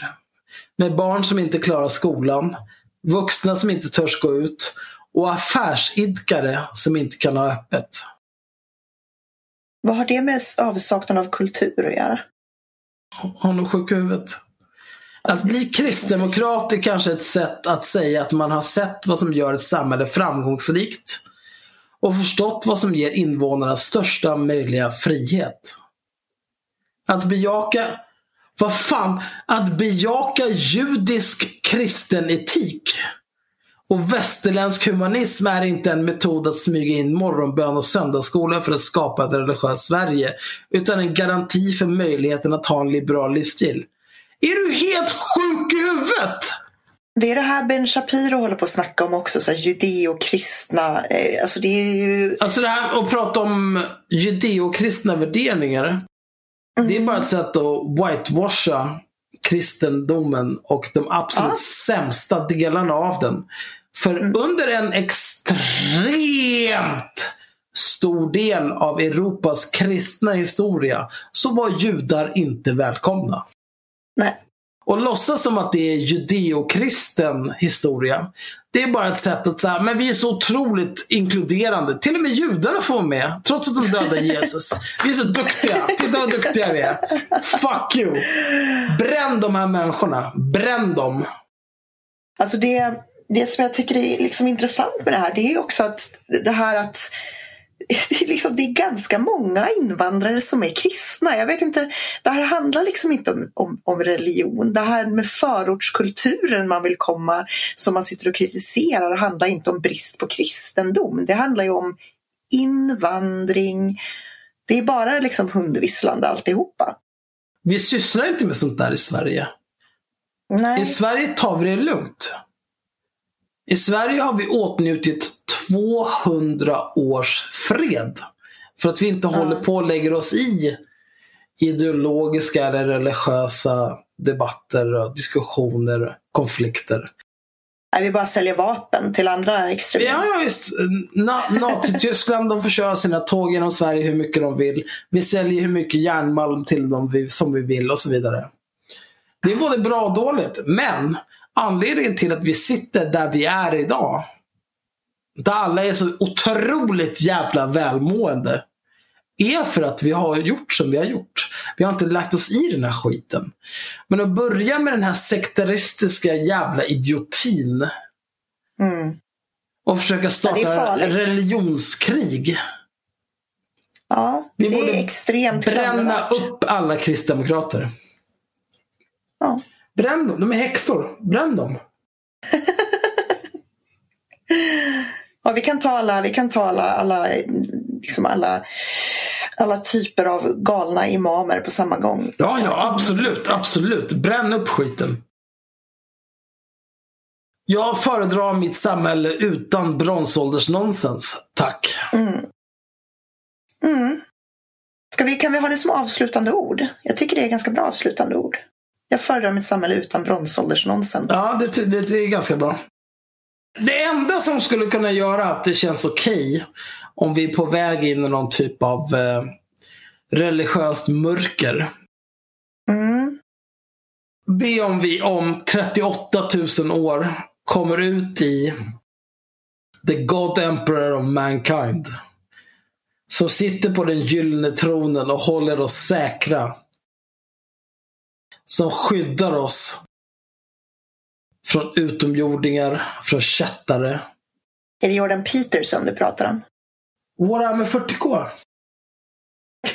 Den riktiga gudakejsaren. Ja. jag måste titta, eller jag måste lyssna på den här debatten mellan Jordan Peterson och eh, Slavoj Zizek. Jag kommer inte se det där för jag orkar inte. Nej, jag, jag tror att man kan föreställa sig ungefär hur den gick. Jag, jag tror att eh, eh, Zizek knullar sönder Peterson. Ja, För att Peterson är bara en jävla... eh, Han är en, eh, en pretender liksom. Han tror att han kan saker men han kan inte skiten någonting. Men han är en sån här, han är en typisk snubbe liksom. Han, eh, han är en sån här som tycker att han kan en hel del om saker. Ja.